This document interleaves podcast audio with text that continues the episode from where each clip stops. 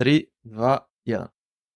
Ćao svima i dobrodošli u novu epizodu podcasta Na čašicu razgovora. Danas smo tu sa Dimitrijem Globovićem, osvajačem zlatne medalje na Međunarodnoj filozofskoj olimpijadi. A, Dimitrije, dobar dan i dobrodošao u naš podcast. Hvala što si se odazvao našem pozivu. Dobar dan, hvala na pozivu. E, mi ćemo danas govoriti o mnogim temama, uključujući i tu e, olimpijadu na kojoj si osvojio neverovatnu zlatnu medalju. Ali možda započnemo sa e, tim kako si uopšte ušao u to da se baviš filozofijom, da ti je to e, polje interesovanja. Kada se to desilo i šta je uticalo na tebe u tom pogledu? Ja mislim da je filozofija tu od uvek u svakome od nas i da se to najpre iskazuje u detaljnoj radoznalosti i prispitivanju sveta. Samo što neki od nas kasnije nastave sa tim prispitivanjem i ono se pretvori u bavljanje filozofijom, a kod nekih to i dalje ostanu ta pitanja, ali ne, prosto ne tražiš se njeni odgovori u filozofiji, niti se polazi na taj filozofski put uopšte, uh, niti se recimo čitaju filozofska dela i tako dalje. Ja sam imao tu sreću da je moja majka profesor filozofije i onda sam imao filozofsku literaturu svuda po kući uh, i mogu sam da uzmem da je čitam. I sećam se jednom, valjda u petom razredu osnovne, našao sam filozofsku hrestomatiju za četvrtu godinu srednje škole i onda sam iščitavao tekstove i pisao svoje misle o tekstovima u jednu sveščicu. I mislim da je to možda početak tog bavljenja filozofijom u smislu čitanja tekstove i analize. Dakle, misliš da je a, zapisivanje svojih misli neka kao neka vrsta početka bavljenja filozofijom, jer ako ne misliš sam svojom glavom i ne reflektuješ o temama o kojima su se bavili drugi filozofi, onda još uvijek nije filozofija, ali a, autentično bavljenje filozofijom podrazumeva a, neki sobstveni pristup. A, Niksi, šta si hteo? Ništa nastavi. Uh, dakle, to jeste obično pobuda filozofije koju prepoznaju i veliki filozofi poput Platona i Aristotela. Oni to nazivaju čuđenje. Dakle, iznenađeni smo nekakvim aspektima stvarnosti i onda se svi kao deca barem prirodno bavimo njima. A, recimo nešto o sumnji. Da li, da li je filozofija kod tebe a, razvila tu neku a, osobinu da više sumnjaš u stvari, da preispituješ, da a, racionalno sagledavaš stvari i tako dalje? Jeste i to u, uh, da kažem, u velikom obimu. Ja se sećam otprilike pre mesec i po dana uh, lego sam u krevet, pokušao da zaspim, nisam mogao da zaspim i onda su lutale misli i onda se sećam da sam pokušao da izvedem matematički ideju površine i da ih preispitam zašto određene stvari imaju određenu površinu. Zašto je površina trougla a puta h kroz 2? Jer se sećam u osnovnoj školi su nam samo to rekli. Tome smo, naučeni smo tako. Ja sam prosto želeo da vidim zašto je površina trougla takva, zašto je površina kruga takva kakva je. I onda je to nekakva sumnja čak i u matematiku koja bi trebalo da je neka, koja bi trebalo da je vođena u potpunosti zakonitostima. Ali opet te zakonitosti nama dolaze na taj način da mi moramo da verujemo u njih kroz obrazovanje. Nama je rečeno to je tako i mi to prihvatamo. Ali nekako mislim da čak i u to mora da se sumnja, a naravno i u mnoge druge stvari. A kako onda možeš da zaspiš, zato što oko nas onda u sve može da bude ono, posledica ne, ne, neke sumnje, kako, kako onda spavaš uopšte, ako toliko sumnjaš u nešto. A, pa jeste da sve može da bude posledica sumnje, ali opet u jednom trenutku, barem kod mene se dolazi do toga mm. da ništa ne može da bude predmet potpunog mm. saznanja i potpune sigurnosti. I onda se nekako... Osim valjda da mislimo. Osim Zato što toga da mislimo. time što hoćemo da dokažemo da li mislimo, tim mi, mi mišljem dokazujemo da mislimo, tako da mi zaista mislimo, tako? Je to teo da kaže Re, René? Dekrti među nama, da, tako je, da. da kaže, ali tako? Ali u toliko stvari možemo da sumnjamo, u toliko stvari ne možemo da budemo sigurni. Ja ponekad razmišljam o tome, uh, vođen onim Orwellovim distopijskim romanima i tako dalje, da li možda je nekako sve već tako, ali sam ja u iluziji da je sve drugačije. Ja sam u iluziji da nismo još došli u svet iluzija, zato što je svet iluzija tako napravljen da ne mislim da sam u njemu. I onda se nekako pitam se o tome i shvatam da ne mogu da imam potpunu sigurnost da li je tako ili ne, jer ako je taj svet iluzije napravljen da ne mogu da ga shvatim, kako bih ga shvatio? Ali opet nastavljam da živim prihvatajući to. Jeste nekako teško, jeste da se ta sumnja vraća iznova i iznova, ali e, drago mi je što uopšte ta sumnja postoji, što imam sposobnost da sumnjam i što imam sposobnost da preispitujem i što imam sposobnost da vidim šta može da se izrodi iz toga. Da, to je to jako zrelo razmišljanje. Um, dakle, ono što si htio da kaže da ta sumnja ipak ne mora da ima štetan uticaj. Iako je ona uh, u tom Descartovom smislu uh, metodska i sveobuhvatna, to ne znači da ti napuštaš neke sfere života, jednostavno ih prihvataš, ali u procesu života ih i ispituješ. Mm, Da. Uh, dakle, to je, to je neka sredina između ta dva ekstrema. Uh, pričat ćemo još kasnije o drugim uh, nekim filozofskim temama, uh, ali evo, ovo je bio jako dobar uvod za, za naše uh, slušaoce i gledaoce uh, o tome o čemu ćemo pričati u nastavku, ali možda da se vratimo na ono od čega smo počeli na samom početku. Uh, ti si uh, učestvovao na um, filozofskim olimpijadama, možemo tako da, Da. kažemo, uključujući i naše državne, uključujući takođe jednu međunarodnu. Pa nam reci prvo o svom uh, prvom učešću na državnoj olimpijadi. Kada je to bilo, šta ti inspirisalo da se prijaviš i uh, o čemu si pisao tada? Izvini, e, mogu samo da stvar, možeš pre toga da kažeš kakav je uopšte postupak dolaska do, do olimpijade? Da li postoji neka takmičenja gradska, školska, opštinska, pa se dođe dotle i te neke predkorake pa nastavi na Đoletovo pitanje. Izvini, Đole. E, Da, što se tiče samog sistema takmičenja, e, postoji školsko, državno i onda međunarodno. E, to je zato što druga takmičenja kao recimo matematika, fizika, književnost, mnogo dece za njih prijavljuje i to mogu da budu dece iz svake od četiri godine i onda postoji potreba za okružnim i opštinskim takmičenjima da bi se ta deca filterisla dok dođu do državnog. Kod filozofije je interesovanje malo manje, ali e, svake godine se širi, tako da možda će za koju godinu i da postoji okružno takmičenje, ali kada sam ja išao nije ga bilo. Dakle, nakon školskog sam išao direktno na državno e, i ja sam recimo od osnovne škole bio takmičar u smislu da sam iz mnogo predmeta išao na takmičenja. I u srednjoj školi se to malo utišalo, dakle ja sam odlučio da u srednjoj školi neću toliko da se takmičim, posvetit ću se drugim stvarima, tako da u prvoj godini nisam išao nigde, ni u drugoj nisam nigde, osim filozofije, uh, zato što uh, moja majka mi je predložila, rekla mi postoji takmičenje iz filozofije, zašto ne, bih, zašto ne bih probao, ja sam odlučio da probam, rekao što da ne, možda da se tako vratim u taj takmičarski aspekt svog života i onda je ta sama priprema za mene u početku bila vrlo teška. Zato što m, sama ideja takmičenja je da mi dobijemo četiri teme, to, to je sve na engleskom jeziku i mi moramo da Izvini, i, u, i školsko je na engleskom jeziku. Uh, da, ma da. Uh, pošto sam ja bio jedan iz svoje škole koji je pokazao interesovanje za to takmičenje iz filozofije, nije bilo školskog, tako da je bilo samo državnog i ovog međunarodnog kasnije, ali na tom državnom isto na engleskom jeziku. I uh, četiri teme, mi imamo četiri sata da napišemo esej. I ja kako sam se pripremao, na, uh, inače teme su citati, filozofski citati, i ja sam tako tražio citate po internetu i pisao bih eseje na njih.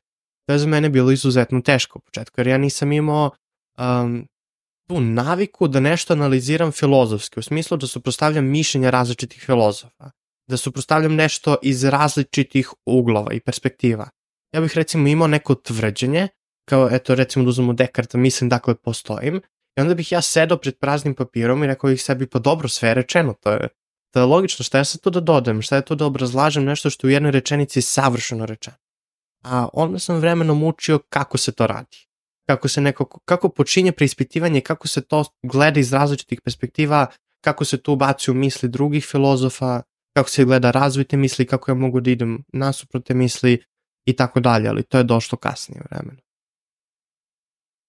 Da, reci mi malo o tom iskustvu uh, probitnog pisanja. Dakle, kada se nađeš, kada se suočiš sa rečenicom nekog velikog filozofa i kažeš tu je već sve gotovo, da li ti se možda u nekom momentu učinilo uh, nekako nasilnim ili nametnutim da ti sada tu nešto dodaješ? Kao da je ta problematizacija nešto što je naš sada zadatak, ali nešto što ne, ne uviđemo kao potrebu.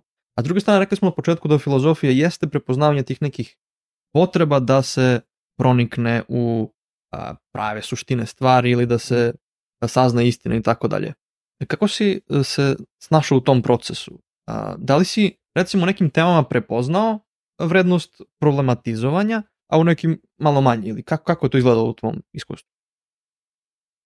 Ako se dobro sećam, mislim da sam u svakoj od tih tema u početku, tokom pripreme, prepoznao neku vrednost problematizovanja i prepoznao gde ja mogu da idem u svom razmišljanju o tome, imao sam sobstvene misli Ali tu postoji još jedan problem. Taj esej bi trebalo da ima nekoliko strana, recimo 3 do 4 strane. A ja bih onda video tu rečenicu, imao bih svoje razmišljanje o tome i to bi bio jedan pasus. I sada ja sve to treba da uklopim u strukturu eseja. Ja treba da kažem nešto više o tome. I to je meni prvo bilo izuzetno teško.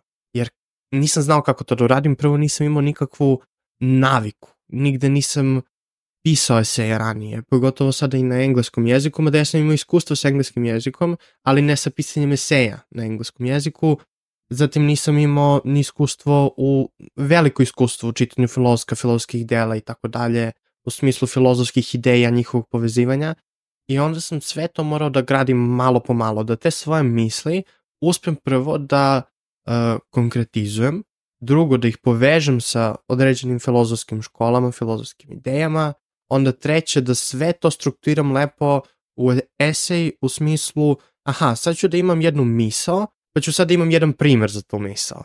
Sad da imam misao, pa ću sad da imam jedan primer, da bi sve to teklo skladno i da bi bilo lako čitljivo. To je takođe još jedna važna stvar kod ovog takmičenja, ne samo taj filozofski pristup, nego i pristup pisanju eseja.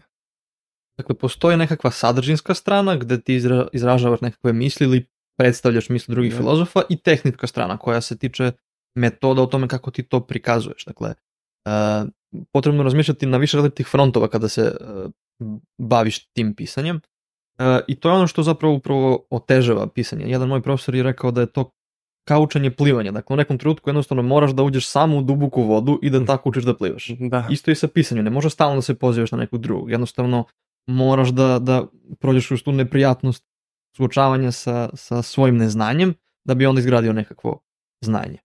Ono što me sada interesuje jeste e, kakve su teme, koje su e, oblasti u kojima se obično postavljaju teme na tim takmičenjima, uključujući za početak je to recimo to prvo državno takmičenje na kojem si učestvovao.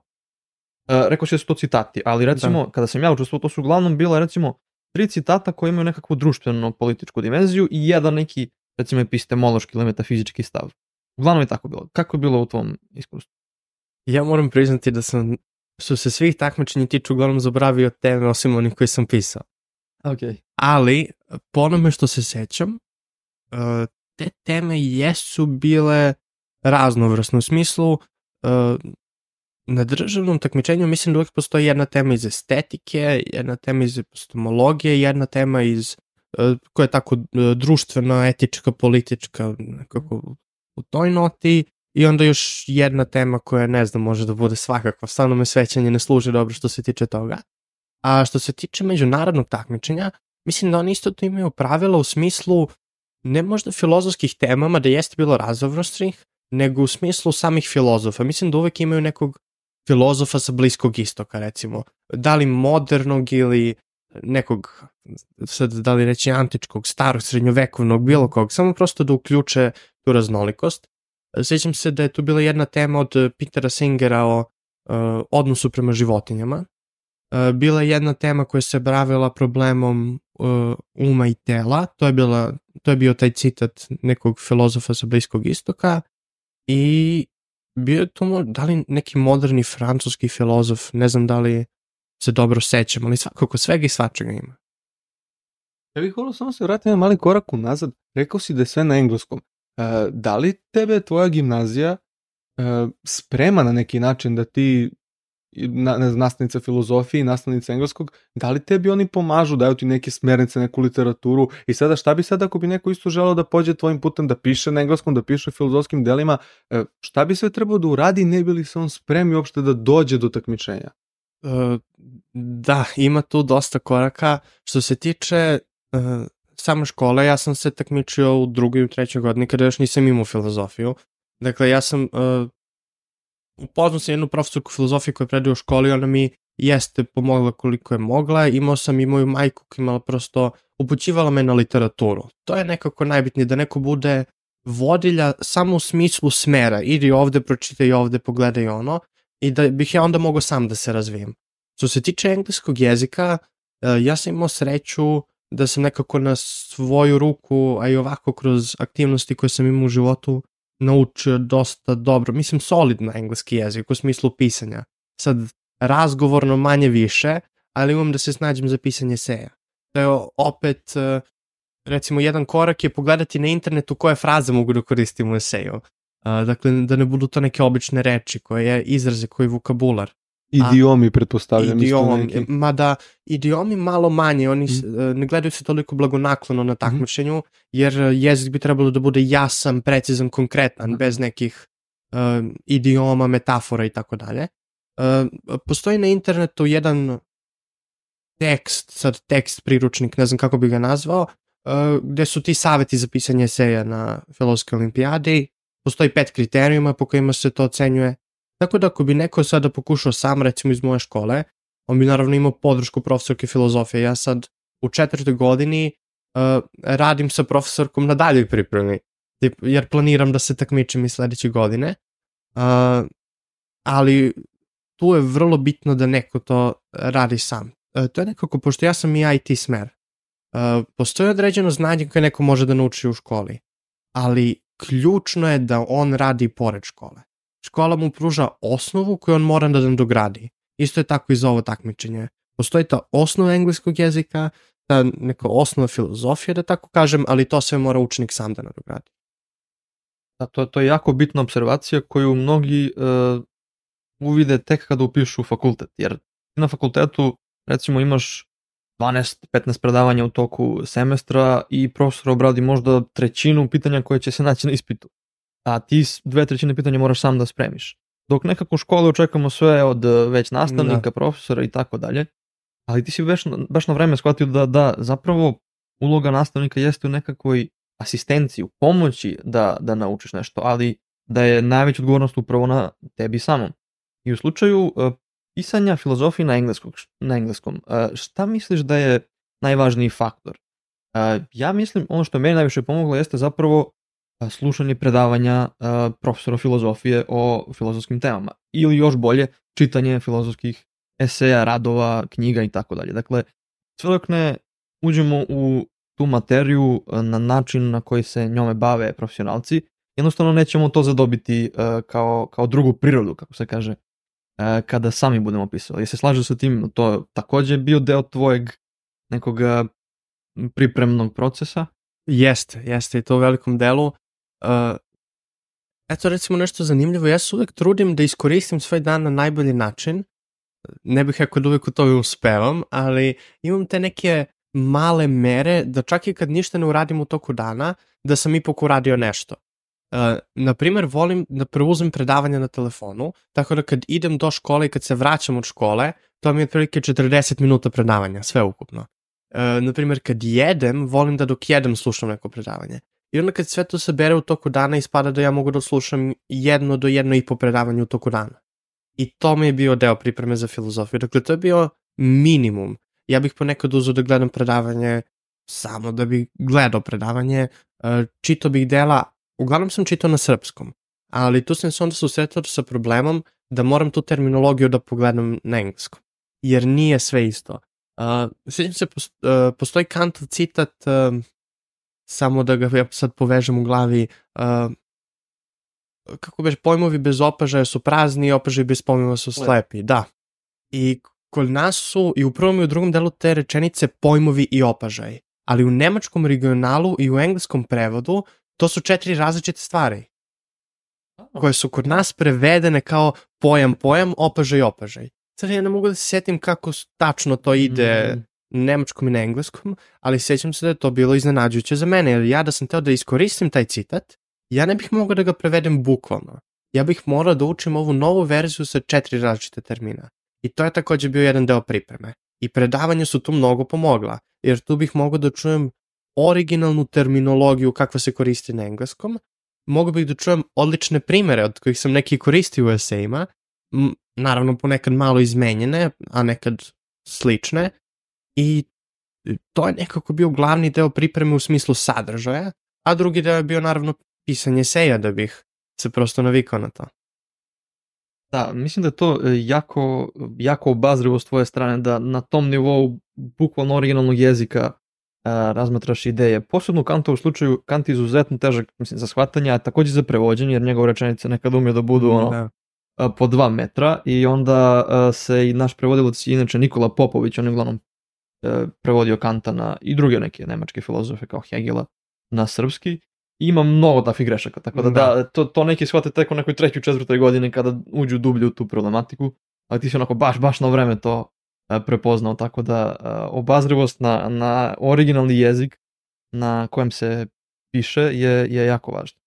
E, možda nam kažeš nešto više o e, tome kako je izgledalo m, samo takmičenje, gde se održalo, kada se održalo i kako je izgledalo to druženje sa ostalim učesnicima. Međunarodno ili državno? Međunarodno. Međunarodno, naravno. A, samo takmičenje, ne znam kako to da opišem, to je bila cela jedna avantura, da tako kažem, još od početka pripreme. A, I ja pamtim sve to nekako u jednom bloku i tu je bilo svakakvih dešavanja. Ja se sećam, takmičenje je bilo od 11. do 14. maja u Olimpiji.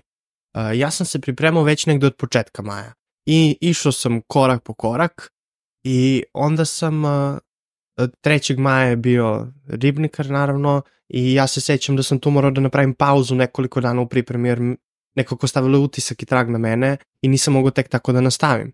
I onda je to bio nek, da, ka- kako, da tako kažem, jedan udarac. I onda sam nastavio dalje, vratio sam se pripremi normalno.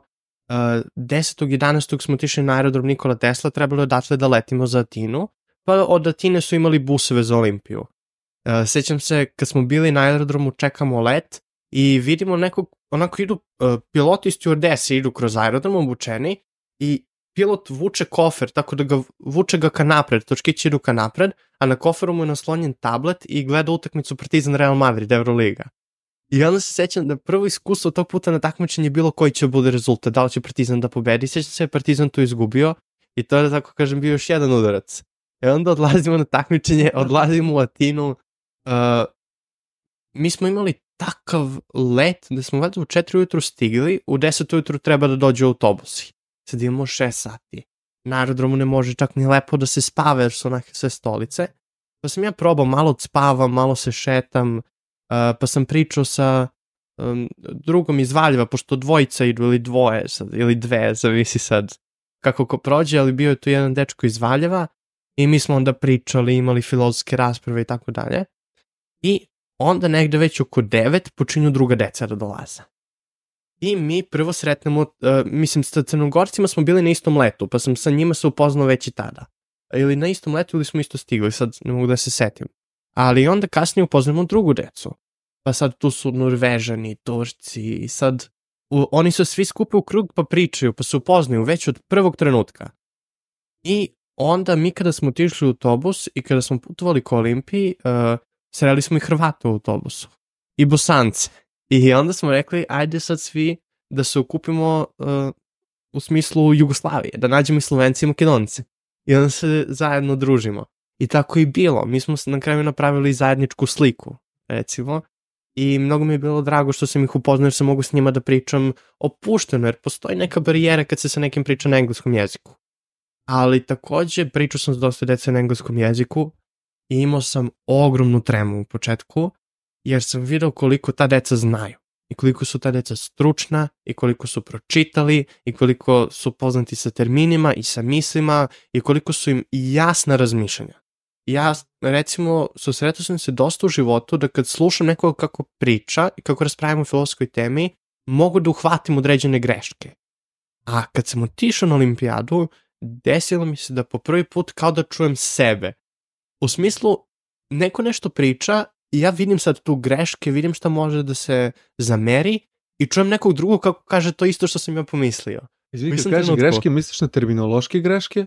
Na tipa manjak terminološke. načitanosti iz date, iz date oblasti?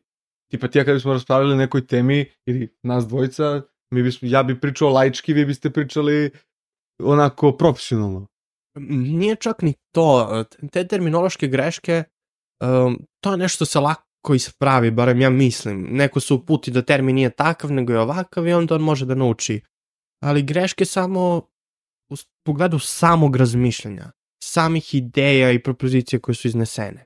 I tu nekad može da se uhvati recimo greška gde postoji kontraprimer ili greška gde ta propozicija ne obuhvata sve što bi mogla da obuhvati.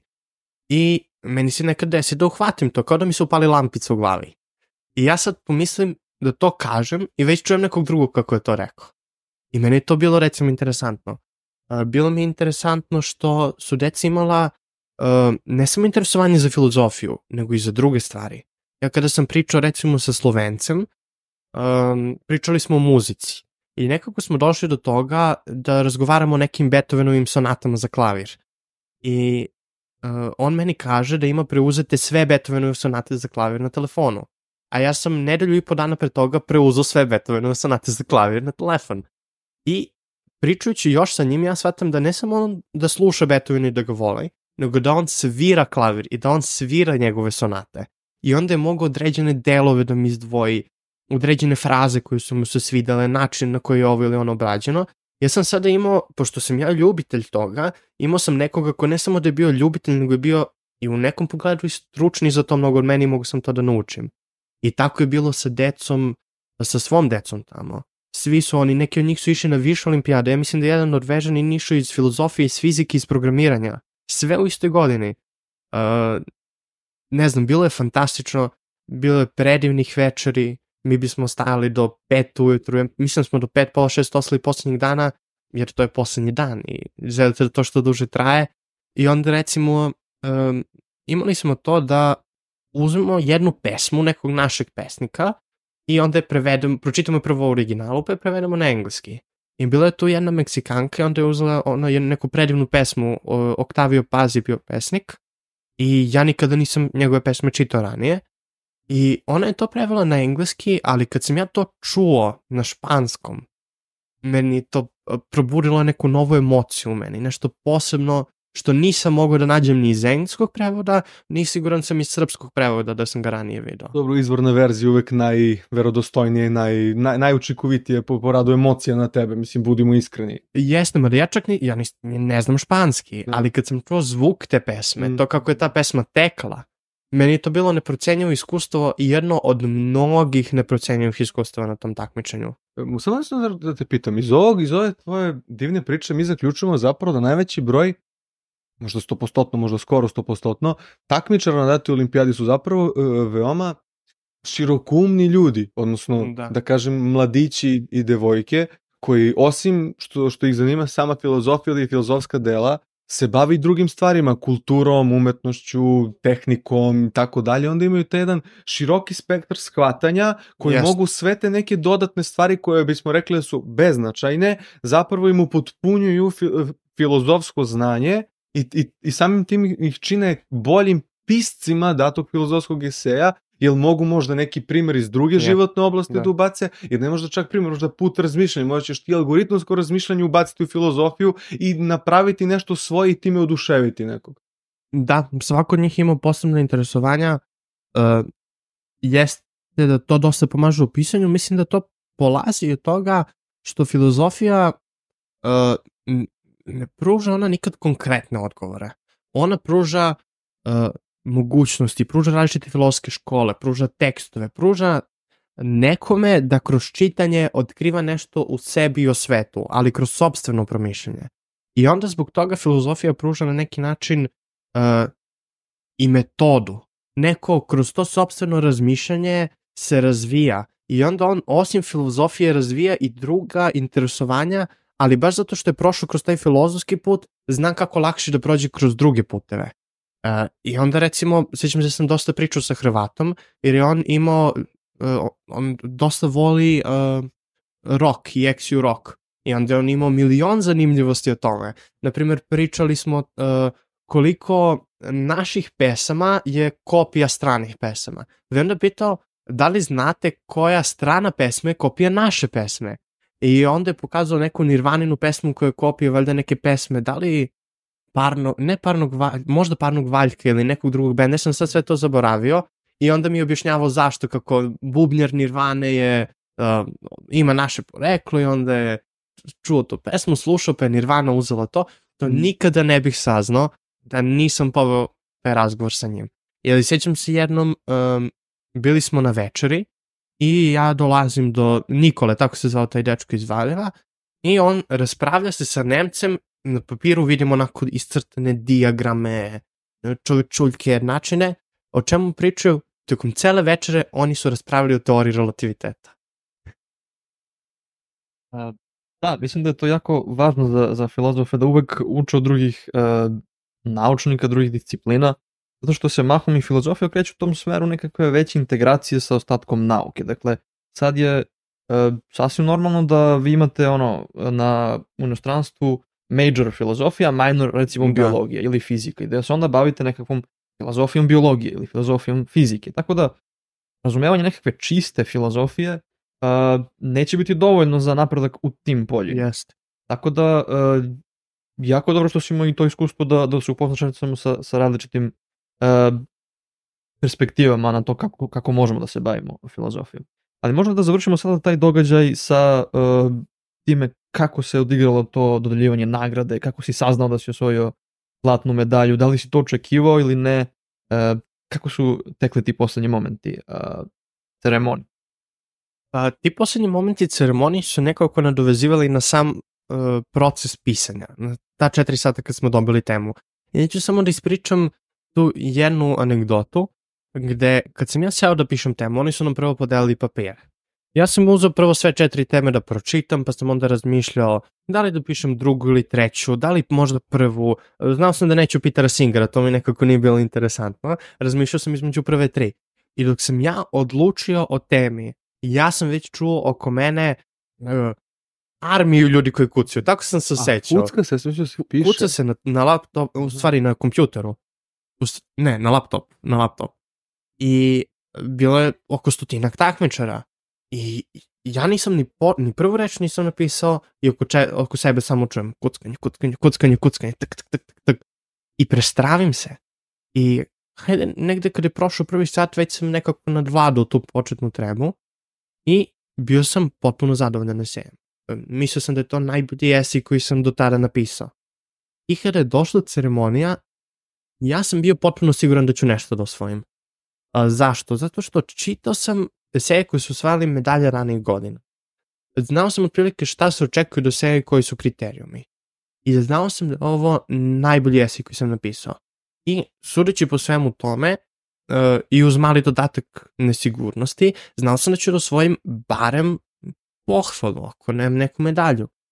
I prolaze pohvale, ja nisam to. Dolazi onda da li sam bronzana medalja. Ja se sad sve vreme nadam samo da sam zlato ili srebro. Zato što bronza nije to to. A ako sam srebro, mogu barem da kažem srebro si je kao zlata i onda da, da se tako pohvalim. I prolazi bronza i meni je sad opet malo laknulo. I srebro, valjda su tri takmičara bila srebro, prolazi srebro i sad mene hvata panika. Da li sam potpuno pogrešio u proceni da nisam ništa osvojio, to bi bilo najgore od svega. Ja se samo nadam sad da će da me prezovu za zlato i kad sam čuo svoje ime, to je bio nevjerovatan osjećaj, to je nešto nestvarno. Do tada se borite za zlato, radite nešto ka tome i sad kad ga osvojite, ne mogu ni da opišem taj osjećaj tu uh, nestvarnost, kao da se nije desilo. Kao da sam se takmičio i kao da Jesi nisam sumnjao u to zlato, ili si, si opet postavljao postu, sumnjao sam. postulate? Um, pa- Pa pre neki dan sam razmišljao o takmičenju i kažem sebi da sam se ja stvarno takmičio, da sam ja stvarno svojio zlato. I onda, i onda je stoje tu zlatno odličje na zidu. Tu je, dakle, jeste. Ali ovo može biti iluzija. Ovo može biti lud. Ja, toliko puta sam sumnjao kad sam nakon svih tih razgovora sa svom tom decom, ja sam sumnjao kako je moguće da sam baš ja osvojio zlato. I dalje mi je nejasno. I dalje se na, um, imam taj osjećaj kao da je nezasluženo. Ima da znam, postoje određeni kriterijumi, postoji žiri, sve to ocenjivano. Nekako iz mog ugla imam osjećaj da uh, moje znanje nije takvo da budem zlato na svetskom nivou. Ali to je verovatno zato što, hajde, ja vidim gde sve mogu da napredujem. Pa je možda zbog toga, ali opet postoji ta to. Morate pitati nešto vezano za same radove. Da li je, sad za sve nas koji se ne razumemo u ovo o čemu se vas dvojica veoma razumete, da li su radovi koje vi dobijete na, na temu datoga eseja, da li vi, da li vi njih treba da postupate kritički, kako se to kaže, afirmativno, ili je potrebno neko prepričavanje datog eseja i kroz pohvalu i kroz kritiku, ne bi li se došlo do nekog, aj sad kako da nazovem, nekog opšteg dobra, neke, neke potpune analize date rečenice. Taj deo mi malo nije jasan. Najvažnija analiza, najvažnije preispitivanje rečenice, to na kraju može da se završi i afirmativno i negativno. Uh, ali bitno je preispitivanje. Bitno je da se nekako prođe ceo put da bi se došlo do te afirmacije ili negacije. A pogotovo ako se dolazi do negacije, onda tek mora da se bavi neko pobijanjem toga što je rečeno u argumentu, ali ako je afirmativno, onda mora dovoljno jakim argumentima da dokaže to. Ključ su ti argumenti. Mhm. Ključ je da se kroz argumente dođe do nekakvog zaključka vezano za samu temu, uz pozivanje na druge filozofe. To je Mhm. nekako A znači, suština. znači vi kao e, takmičar imate pravo da opovrgnete stav datog filozofa i da kažete da po vašem mišlju taj stav nema smisla ili da nije dovoljno tačan ili da je netačan ili šta god. Da, da, da, imamo potpuno pravo na to, ali naravno uz argumentaciju, uz uh, određenu filozofsku potporu i tako dalje. Da, svašta nešto je forma filozofskog eseja ili filozofskog rada. Dakle, to, to može da bude i afirmativna stvar, da kažeš da ovo što on kaže je apsolutno tačno, ali daću još dva dodatna argumenta za to. Da. Ili daću kontraprimer, ili napravit ću analogiju između toga i neke druge filozofske oblasti. Dakle, Mhm. uh, mogućnosti su beskonačne, uh, samo je najbitnije ono što Dimitri kaže, dakle da imaš argument. Argument je zapravo centralni filozofski pojam. Argumentacija je jednostavno uh, pokušaj da se iz izvesnih premisa izves, izvede izvestan zaključak. Mhm. Da li će to biti baš u onoj logičkoj formi, da li će to biti nekim opuštenim jezikom, to je nešto drugo, ali bez, bez uh, argumenta jednostavno nema, uh, Nema leba. nema leba, nema mogućnosti da se proceni kvalitet tog eseja u ovom slučaju. Uh, ono što je zanimljivo jeste da sam ja imao identično to iskustvo, ja sam učestvovao samo na ovom državnom, nisam pobedio 2018. kada sam učestvovao, a, ali bilo identično tako. A, svi su jednom ono krenuli da kucaju, znači prestravio sam se, rekao da li je moguće da oni toliko dobro znaju engleski i toliko brzo razmišljaju, da li, sam, da li pripadam ovde ili ne. I zaista sam uzeo sva četiri sata, i tako bilo u tom slučaju. Uh, ne, uh, Ne? nekako savršeno vreme za mene, to sam shvatio nakon ova tri takmičenja je tri sata. Uh, imam uh, tačnu metodiku rada. Mhm. Znači, prvo pročitam temu, pa onda uzem vreme da razmislim. I moj omiljeni postupak uh, pisanja, Misliš na engleskom? uh, na engleskom, da, da, da. Uh, moj omiljeni postupak pisanja je uh, da uzmem i da razmotrim definicije svih reči koje su tu date. Da ako uzmem citat i ako učinim jasnom svaku od tih ključnih reči, onda je i zaključak jasni. Jer ako ja samo uh, govorim o tom citatu nekako po osjećaju, po pretpostavci šta te reči treba da budu, onda nije to to, mogu da se zagubim u tome. Ali jednom kad to jasno postavim, onda iz tih postavki mogu da granam dalje. To mi je prvi korak. Da nekako preispitam to. Nakon toga uradim skelet eseja. Prvi argument ovaj, drugi argument ovaj, zaključak ovakav. I tu već imam ideju koje ću i citate da koristim, koje ne, da zapamtim neke interesantne priče o filozofima, da to mogu da ubacim ako mi je potrebno. I kad napišem prvi deo eseja, dakle uvodi prvi argument, onda uvek odem do WC-a da se umijem i da napravim pauzu tu. Jer mi je potrebna e, moždana snaga da napišem drugi argument i zaključak, a ne sme koncentracija da mi padne previše. Onda se vratim, napišem drugi argument i zaključak, onda opet odem do WC-a, opet se umijem i onda se vratim i pročitam esej opet.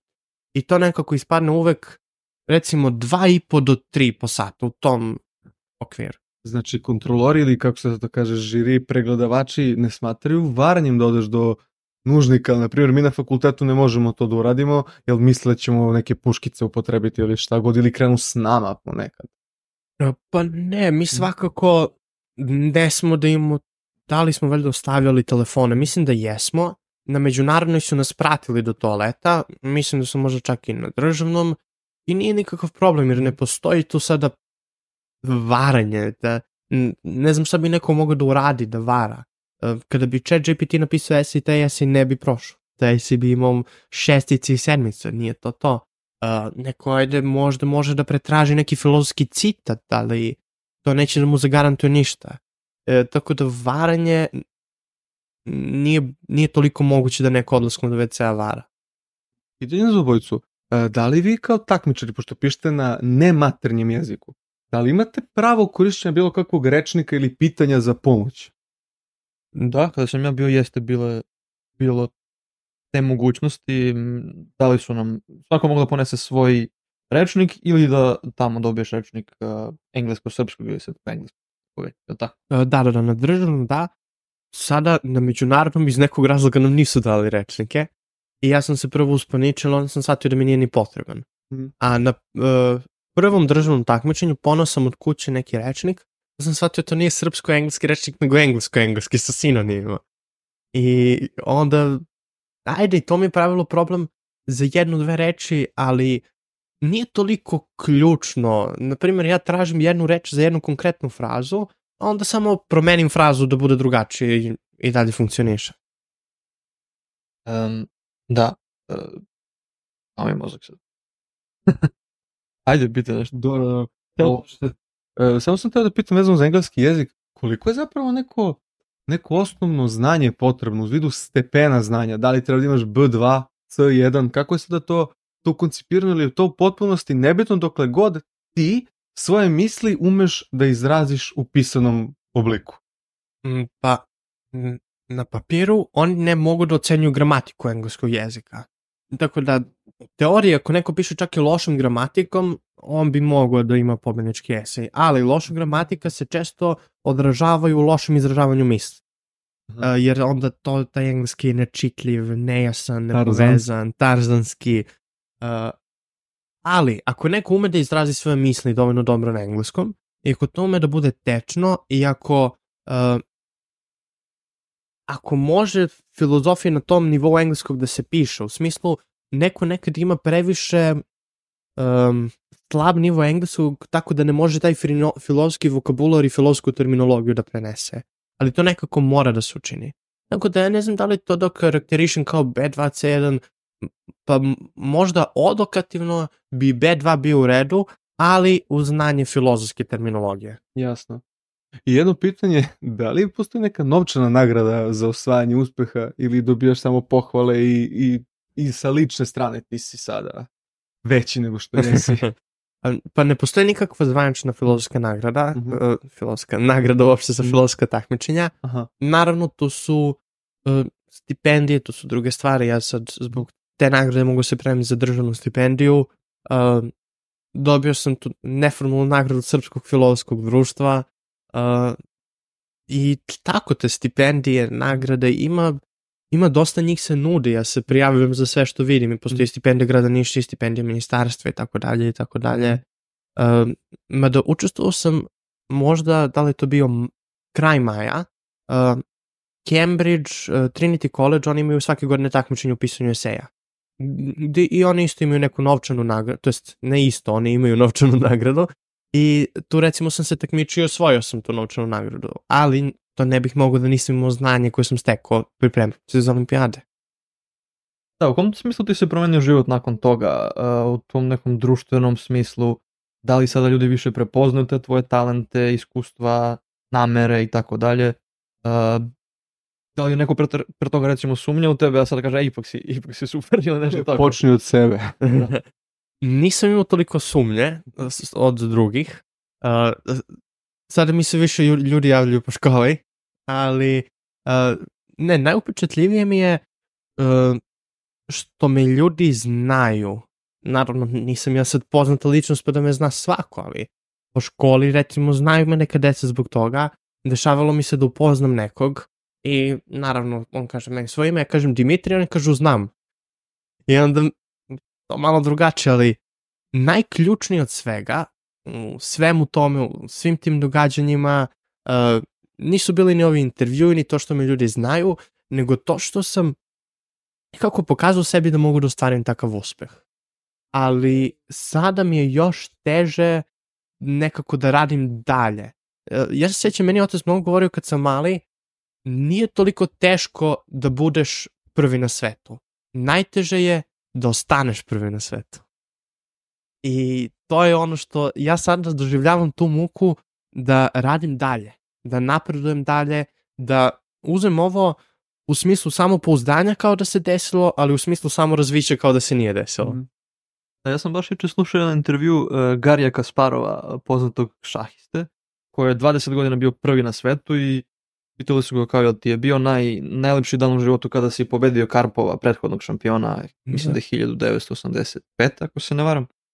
I on rekao, pa da, možda najupečatljiviji dan, ali ono po čemu je Gary Kasparov bio poznat jeste ta neka vatrena energija Da. e, sa kojom je svaku novu partiju igrao i zato zapravo ostao 20 godina najbolji, a da je jednostavno ostao šampion te od 85. i naredne godine izgubio titulu, nikoga se danas ne bi sećao, tako da treba definitivno da iskoristiš taj impuls za dalje usavršavanje. Iako je to fantastičan im, ovaj, uspeh, a, sigurno si sposoban za još mnogo, mnogo veće a, uspehe. To, je- to je evidentno. Posebno u, toj metodičkom, u tom metodičkom pristupu koji si imao e, kada si se toliko posvetio tom takmičenju. I mislim da to je ono što te odvojilo zapravo od drugih kandidata. Iako su oni imali različita znanja, e, i rekao sam malo pre da si nekako, nisi sumnjao u sebe, ali zapitao si se kako se ovo meni desilo, zašto sam ja osvojio. Da. Ali svakome ko sluša zapravo očigledno da si se ti potpuno posvetio tome a, i da možda ta znanja koje su drugi imali, iako jesu značajna, a, nekada su i dekorativna, nekada je to nešto što jednostavno Da. imamo u sklopu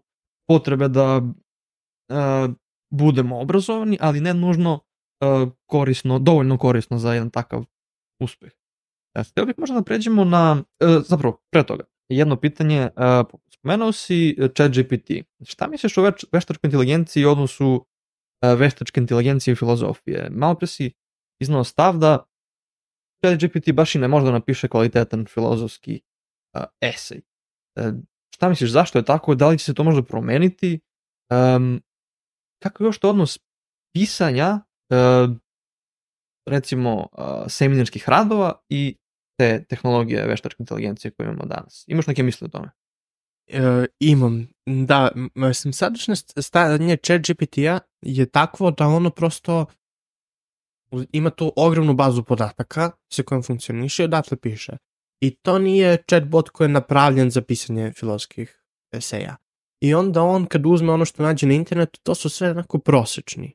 E, ovo takmičenje zahteva određene stvari, određene kriterijume koji se cene možda da se veštačka inteligencija trenira samo na e, tome što je bilo na takmičenju, možda bi u teoriji mogla na određeni citat nešto da napiše. Ali opet tu postoji nešto što nije samo gledanje teksta i prenošenje nekih obrazaca i šablona. Postoji i razmišljanje, postoji povezivanje sa drugim stvarima. Možda bi veštačka inteligencija mogla to da kopira u smislu rezultata, ali ne i u smislu samog procesa. I, i to je jedna od stvari gde ja mislim da će možda veštačka inteligencija da se razvije u budućnosti, ona nema ono empiričko saznanje koje mi imamo. Veštačka inteligencija nema odnos sa svetom. Ona ima bazu podataka koja je data. I sećam se da sam skoro pročitao da AlphaGo koji je pobedio, uh, kako se biše zove, da li Lise Don, on je najjači Go igrač na svetu, pobedio ga je 4-1 uh, u partijama, igrali su pet, ali onda kasnije kad su igrali s AlphaGom, videli su da, pošto su ga trenirali na najjačim partijama, najboljih Go igrača, on nije bio sposobljen za početničke stvari. I da je ovaj najbolji Go igrač na svetu protiv njega igrao neke početničke taktike, on bi pobedio. Zato što prosto nije treniran na tome. Tako da veška inteligencija ima tu slabost baze podataka na koja je trenirana. Pa mislim da tu može treba se dodati kao razum, jer ti ako gledaš filozofska dela, ti imaš svoje misli, svoj razum i na Da. osnovu toga, mislim ne samo filozofsko, nego ko pišeš pismeni srpskog.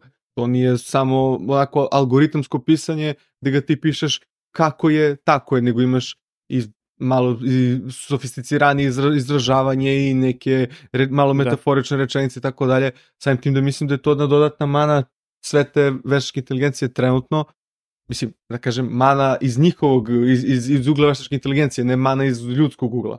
Jer ona mislim da trenutno će više da ti donese ako ti nju pitaš konkretno pitanje, primjer, kako skuvati kafu, zato što to tačno zna šta treba da uradi, jer su to jasno definisani koraci.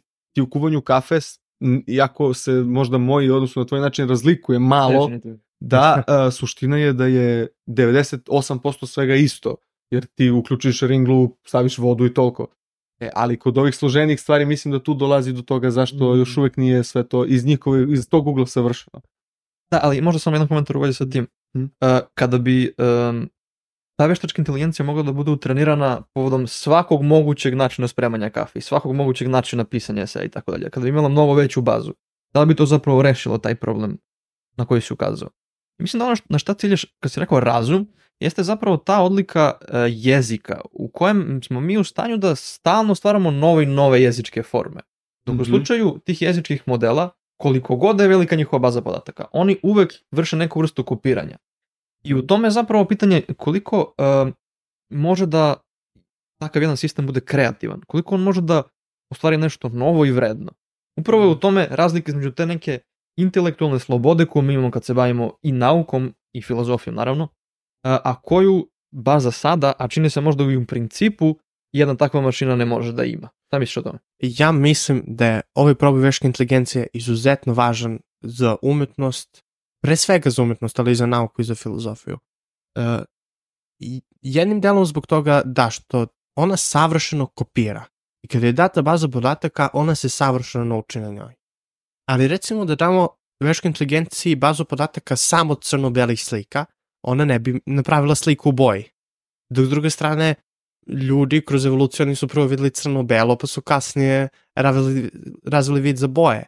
Ljudi imaju taj odnos sa svetom. Ali ja mislim da ono što je ključno, uh, nekada su recimo u renesansi postojale umetničke radionice. I sad će neko uči tehnici crtenja. A sad sa chat GPT-om sve to što je vezano za tehniku nekako postaje dato. To sad, ako mi imamo savršene misli, ako dajemo chat GPT-u neku temu, on može nešto lepo da nam oblikuje, što mi možemo posle da dosredimo.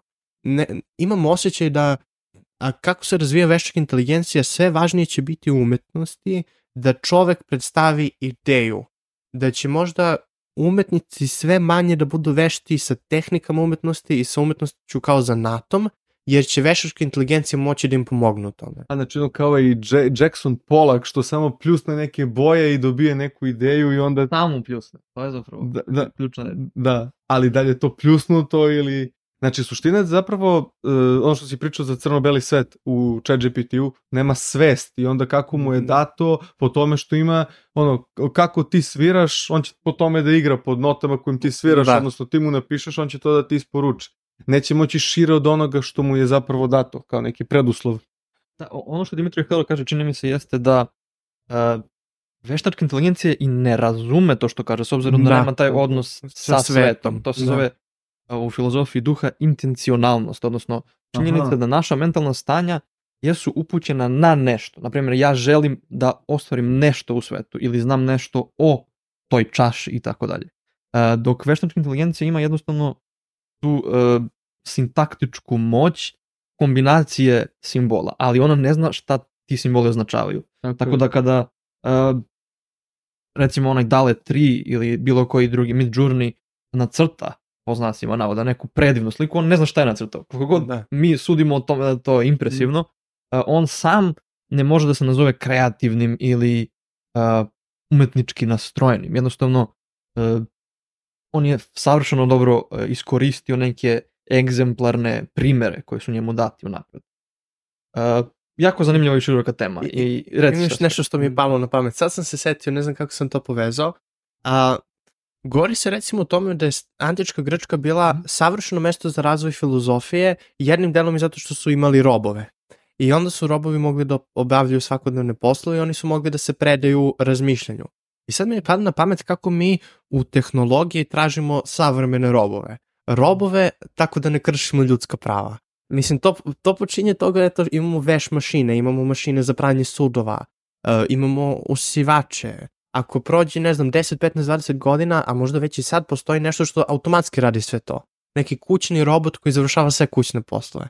Onda ćemo da imamo ChatGPT robot koji završava 90% vaših posla. Ja imam drugare koji se bave programiranjem koji rade uh, tako što uzmu, pitaju ChatGPT za nešto, on im da, oni ga malo priprave i to funkcioniše. I sad oni su spoj ChatGPT-a i sebe samih. I onda mi pada na pamet da kako vreme prolazi, možda ćemo zbog veške inteligencije da uđemo u još jedno filozofsko razdoblje, gde ćemo shvatiti otprilike šta može tehnologija, šta može ljudsko biće, ali gde ćemo imati mnogo besposličarenja Tako i vremena je. za razmišljanje. Pa ući, ući ćemo u jedan, u jedan period, to je ono što je zapravo s jedne strane, druge strane velika mana svega toga, da ćemo ući u jedan period lenjosti, e, gde ćemo biti u fazonu, a mi imamo nešto što će nešto da uradi umesto nas i sada iako je primer veštačke veš mašine i pranje veša potpuno banalan, Ali šta time hoću da kažem? Time što ja treba da uključim tu mašinu, barem ću nešto da uradim, sve ću se koristim. Šta ću ja da radim ako mene potpuno zameni kompjuter? Koja onda svrha čoveka? Šta, da, da, da, da, da pravi decu i toliko? Ne razumem. Znači, I da mislim, održava kompjutere. i toliko. Znači, ljudi koji se, znači, deco, školujte se da budete inženjeri, tu su pare. Da, ima jedan filozof Robert Nozick čuvenu takozvanu experience machine, odnosno mašinu iskustva, koja je jedan mislon eksperiment, možda čak i ostvariv u nekom trenutku, danas još uvek jako daleko, ali zamišlja se situacija u kojoj te, poput one situacije u filmu Matrix, prikačemo neku mašinu, bodamo neke elektrode u mozak i onda ti zapravo imaš jedno iskustvo koje je apsolutno identično ovom iskustvu koje imamo Mhm. sada, ali ti si jednostavno u stolici u nekoj, nekom Ile. i i lepo ti. To je najbitnije. Zapravo ono što hoće da kaže jeste da ti u toj mašini možeš da podesiš da imaš najsrećniji mogući život. Uh, da sve ono što je Aha. tebi lepo, ti možeš unapred da, da, da podesiš. Ja kažem, ok, ja napuštam ovaj svet, napuštam svoju realnu porodicu, ali ću se priključiti i u tom svetu ću imati nekakvu virtualnu porodicu. Možda ja volim da tugujem uz čitanje pesama, to je moja ideja sreće, ja ću to imati u tom svetu. Mhm. Međutim, ono što se pokazuje jeste da većina ljudi smatra da ne želi da uh, se priključi u toj mašini. To je vrlo zanimljivo. Kao da mi tražimo nekakvu aktivnu ulogu u svetu, da mi radimo stvari. Nikada nam uh, tehnologija ne može zameniti uh, to delatno u nama. Jel vam se čini to ispred? Da li biste se vi priključili na tu mašinu ili ne? Ja ne bih, ja ne bih. Pa Možda- ne, ne znam da li sam već priključen ili ne. upravo to. Možda čisto da, možda čisto da bacim pogled onako iz neke znatiželje, ali iskreno, pa što, sve ovo što sam malo pre rekao, Ali ne možeš, nema povratka. To je A- zapravo deo. a pa to ste nije da mi kažeš. I zaboravljaš sve iz prethodnog života. To je, znači ti se kao ponovo rađaš. Ti imaš neka veštačka sećanja u tom novom svetu. Ali imam jedno, imam jedno drugo pitanje. E, Koja je svrha toga? Da se kao centri, na primjer, da sad gledamo, to siva eminencija ima korist od toga, centri moći, koja je svrha svega toga? Da, to je sad šire političko pitanje, ali ovo je uh, jedan misleni eksperiment. Jednostavno o Mhm. tome uh, kak, šta vrednuješ u svom životu. Da li jednostavno vrednuješ iskustva koja imaš i ako uspeš da kalibriraš taj iskustvo oko sebe na neki savršen način, da će to biti tebi dovoljno, jer ta mašina upravo radi to. Znači ti sad u ovom životu znaš šta voliš, šta ne voliš. U tom svetu ćeš imati samo ono šta voliš. A, ali ipak nekako biramo da se ne priključimo. Jer bitno nam je da znamo da smo u kontaktu sa realnošću. Nije nam bitno samo da imamo iskustva nekakve realnosti, bila ona prava ili ne. Bitno nam je da stvarno budemo povezani s njom. Pa i Tako. to je jedan deo, ali to je nešto što meni moj drug ranije pričao, ali priča i sad. Nije isto ako ti neko da hiljadu dinara i ako ti neko kaže morat ćeš sad da se izboriš za ovih hiljadu dinara. Mhm. Nije isto ako ti neko da uh, sva najlepša iskustva na svetu koje odjednom poželiš tako što ćeš da se priključiš na mašinu i da se nikad ne vratiš.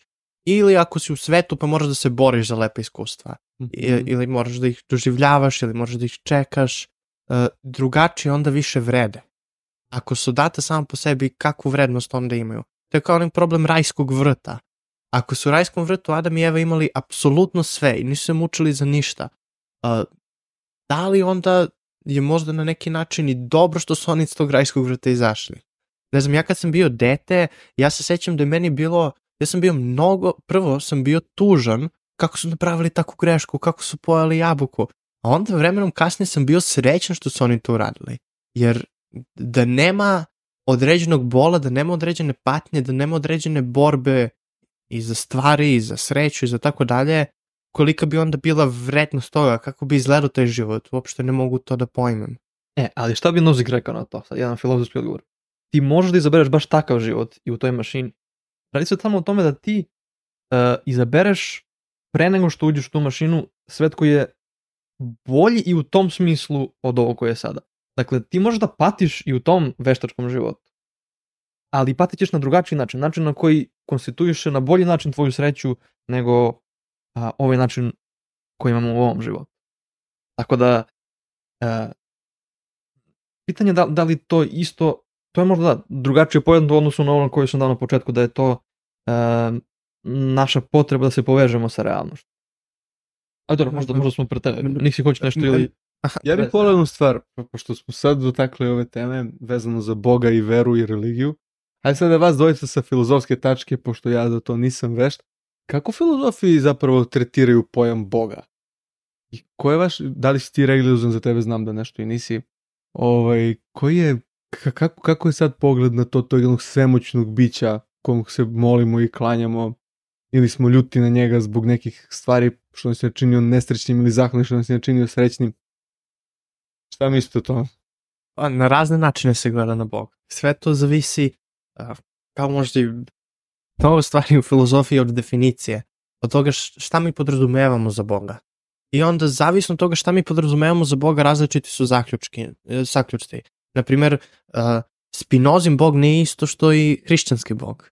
Postoji tu razlika, postoji razlika u tumačenju, postoji razlika da li je to samo Bog ili ono što dolazi uz Boga kao vera e, na primjer kao hrišćanstvo, jer nekada, e, pošto postoji u filozofiji i, i potvrda vere i nešto protiv vere.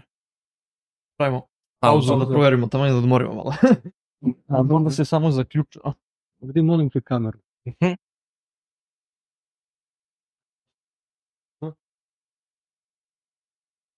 Ma ne mogu da uđem jer nema... Uđi u galeriju. Pa ne mogu, ne, nemam šifru. Javim se. Evo ti moj telefon. A neće mi kaže, ne znam. Brate, pa, je normalan?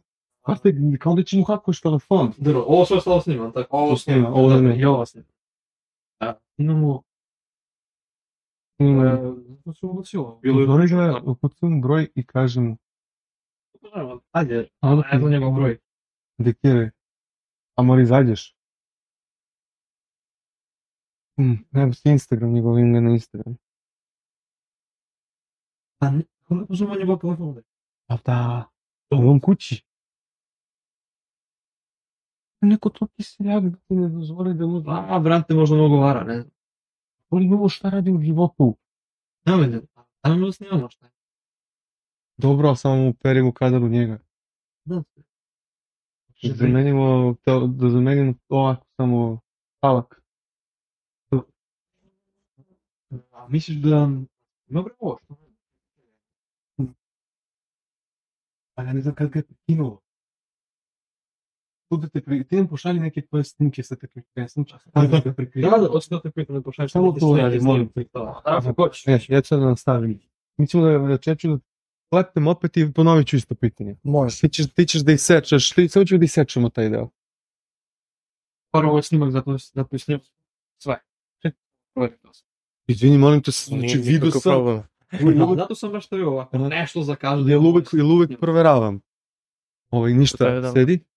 A Sad ću- za. Sad ću da vratim ovo za Boga. Znači, 3, 4, sad. Ovaj, kad ste već spomenuli vas dvojica ovu tematiku o Bogu, možete da kažete, sad vi kao stručni ljudi od mene, pošto sam ja lajk, kakav je filozofski pogled na pojam Boga? I da li filozofi smatruju postojanje, uh, mislim, kak, kakav, kakvo je mišljenje filozofa o postojanju religije, vere, religioznosti samog pojma Boga? Obojica. mislim. Pa, pre svega nije jednostrano, kao ni bilo šta u filozofiji.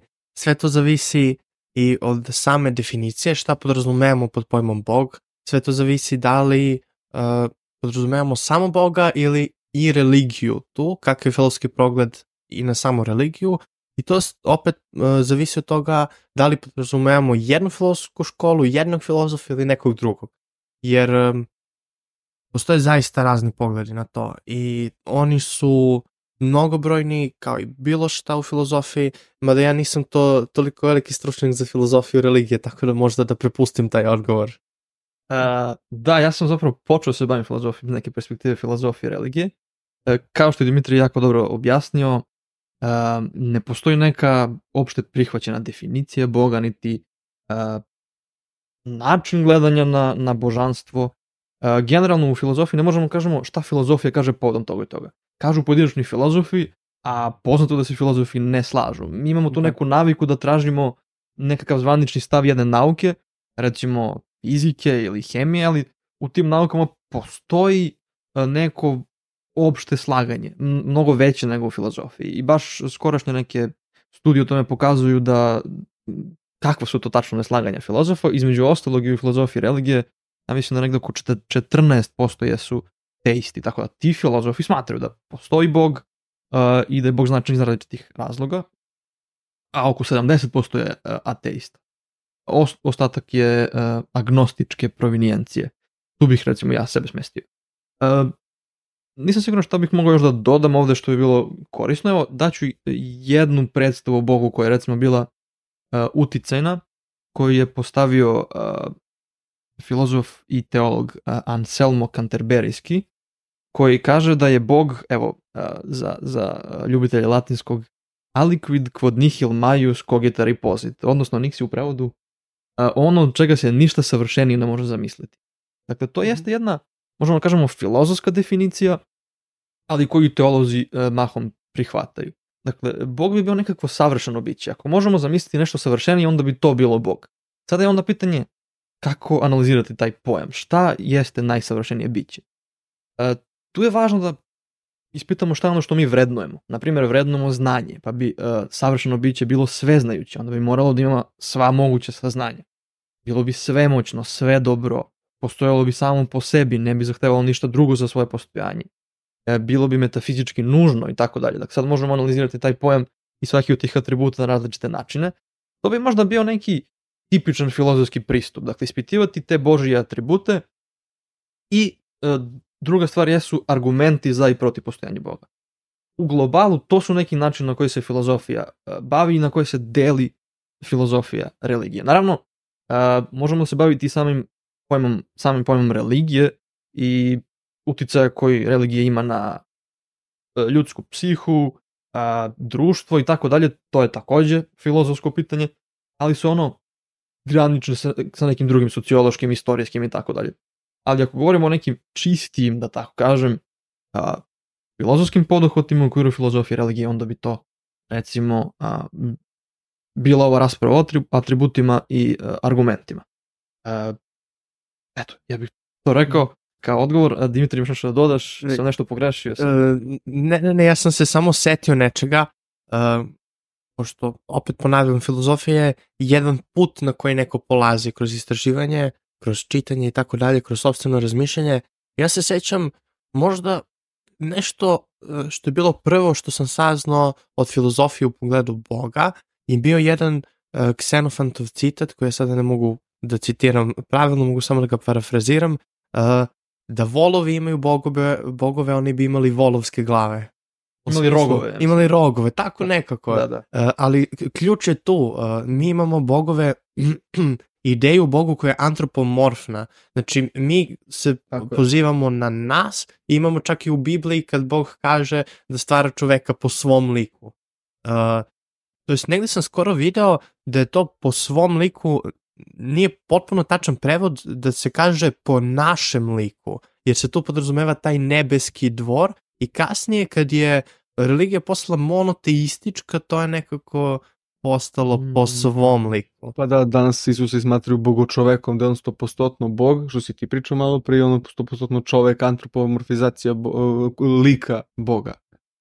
Da, i onda tu stvarno postoje različita viđenja boga i onda m, ne postoji toliko odgovor filozofije, sa tim se slažem, to je takva nauka. Uh, pravimo poslednju pauzu, ovo više ne može da snime, došlo do maksimalnog vremena snimka, tako da samo da nešto sredimo i možemo da možemo polako da završimo s onom gde vidimo njega, ove njegove teme, gde se on vodi, uh, Spinoza, Kant, to ćeš ti sad da, da povedeš. Paži, ma ne, ja bih da pričamo još. Pa ja bih ja. Ne, možda da. Ali da odsredimo, a šta mu je, brate? Ne znam, došlo do... Mi, mi da ne, možda nema više mesta, a? Ovaj, ovaj ti si isključio. Evaj. To nema Ovo smo na još. iPhone radi i dalje. Ništa, da ćeš samo da skineš Mikalov telefon i da staviš svoj i da... Da, da, da, da, da vidim, ja, da mi se napunilo more, brate, imamo 18 GB, valjda. E pa je. Ne, moguće. Imaš od 19, to je dovoljno. Imaš dovoljno. Ništa, ovo ću da isključim. Da, isključuješ? Stavljamo. Da ćemo samo... Brate, Ništa. ja ne znam, znači ja ne znam da ćemo imati jedan snimak gde ne, neće nešto reći. Nevjerovatno, ali znate, Ja malo Ako ima- dođi, dođemo sa Sa 50 gigabajta nije dovoljno. Pa brate, zašto ne bio šifru na galeriju? Nije kao da ću da mi ukradem slike. Ne znam bre, otko ga znam. Takav je. Da radi. To Dobro što nam uopšte daje. brat, brate. Nije bre, kum. Isti kurac.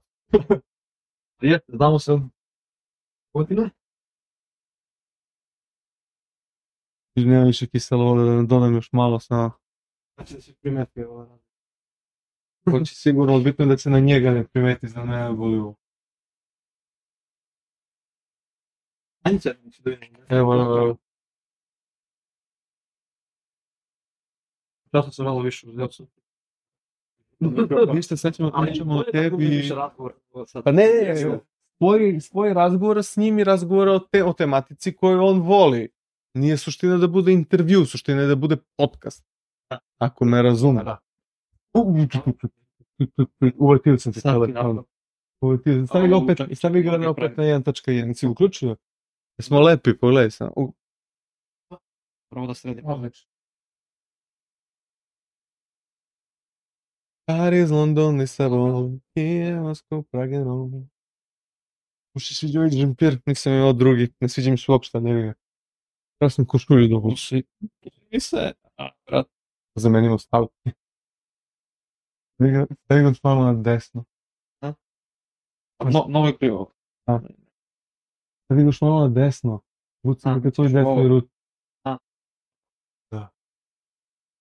Pojači ga na 1.1. Turimo zoom. Je okej, da. A, Ovo je ovoliko bolje, ovaj Mihajlov je mnogo bolje isto. Odličan mu je, stvar, samo što je Mihajlo malo čudan. trenutno. Ne, Ajmo. I sad ću kažemo pauza gotova. Ja. Mhm. Isto moram da pojetim na pukom. Tri, četiri, sad. I mala pauza gotova. Ovaj, volili bismo malo da se vratimo na tebe i filozofiju.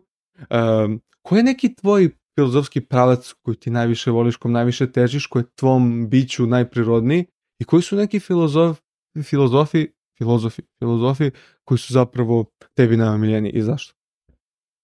Najomiljeniji Kant. Zašto? Zato što uh, sviđa mi se njegov filozofski postupak.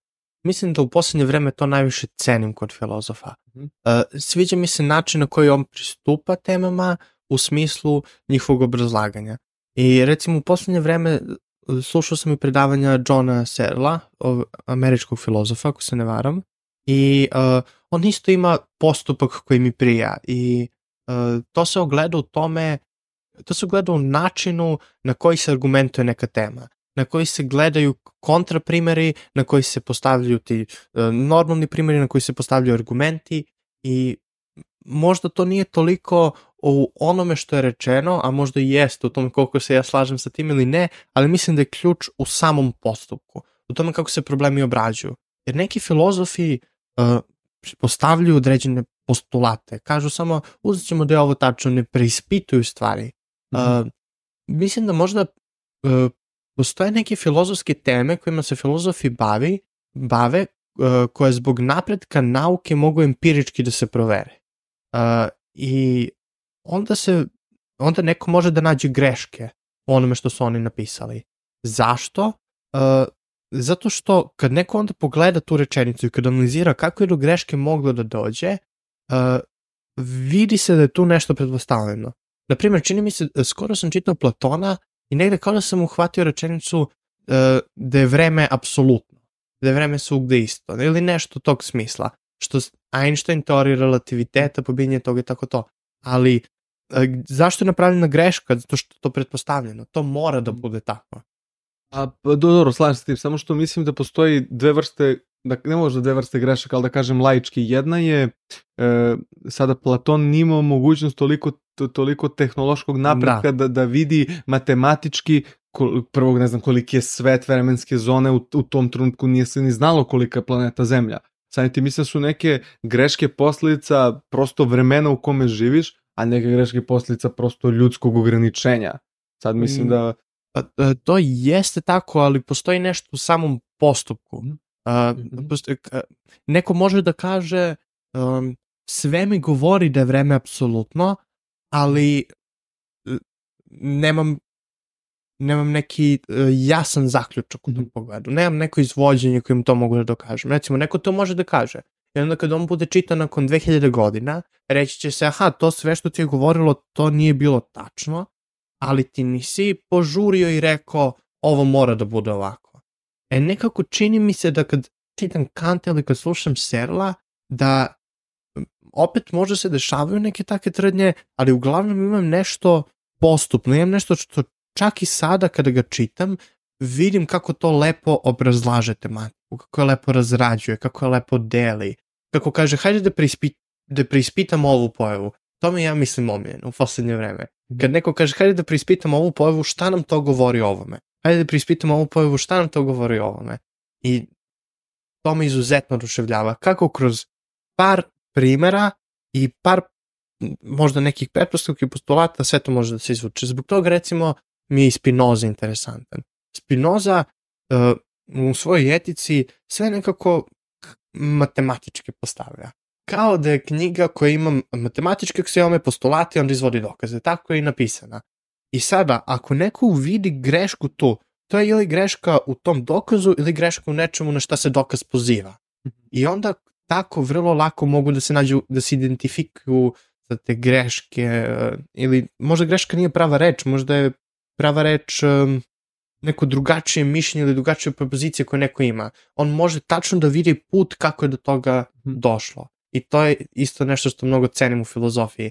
Jer ja mislim, ovo je nešto, neko moje lično razmišljanje, da postoje filozofi u širem smislu i filozofi u užem smislu. A, a filozofi u širem smislu su filozofi u užem smislu plus, ja bih rekao, mislioci. A mhm. mislioci su oni koji su polufilozofi, polupesnici, polufilozofi, poluknjiževnici, e, neko ko tako posmatra svet i uviđa neke povezanosti u njemu, ali ne ide potpuno postupno. Neko kao ne, kao uh, poslovice, mudre izreke i tako dalje. Oni imaju, da se izrazim matematičko, oni imaju domen u kome važe, ali nisu u potpunosti postupne. Da, to je, to je vrlo zanimljivo razmišljanje. Um, u slučaju Platona i uopšte antičkih filozofa, m, mislim da i nije postojala tako radikalna razlika između filozofije i drugih da. disciplina. To se sve jednostavno nazivalo filozofijom ili naukom. Da. A, tako da, nije toliko čudno da se Platon pozove na neke empirijske stvari koje kasnije Jeste. budu opovrgnute i da onda govori o nekim metafizičkim, epistemološkim temama i tako dalje.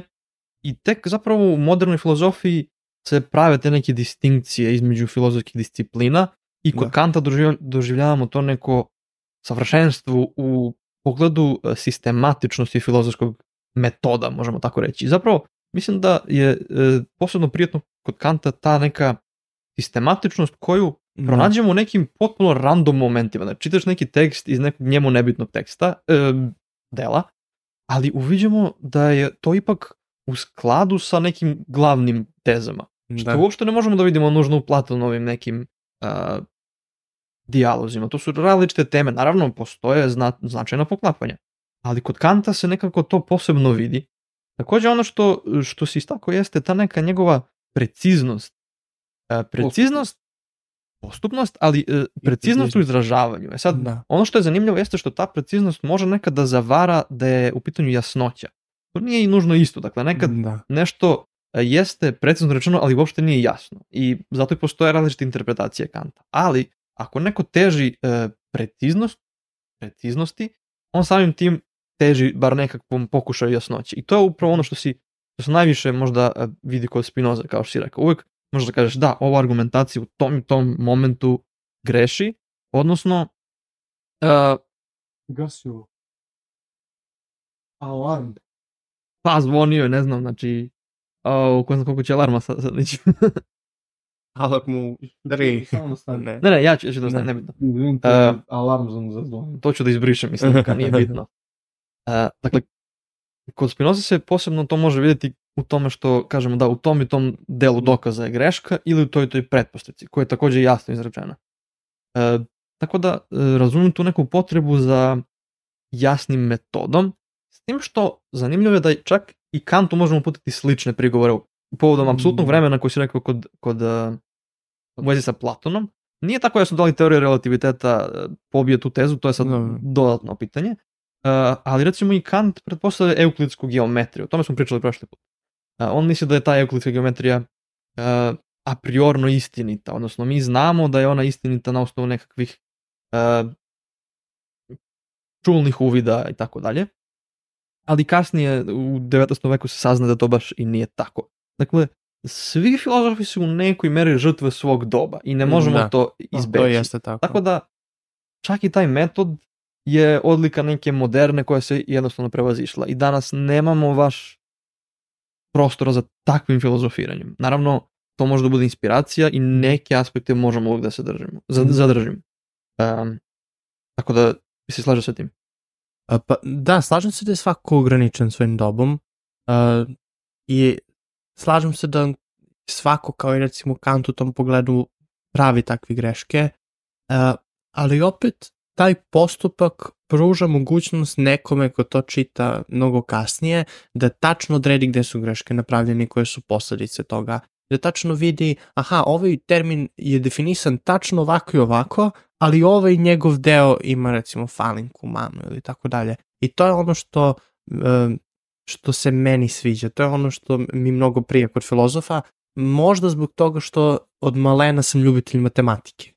I onda sam od, od uvek sam voleo da imam nešto što ide korak po korak, gde od, od nečega što mi je jasno mogu da idem dalje i mogu to da preispitujem.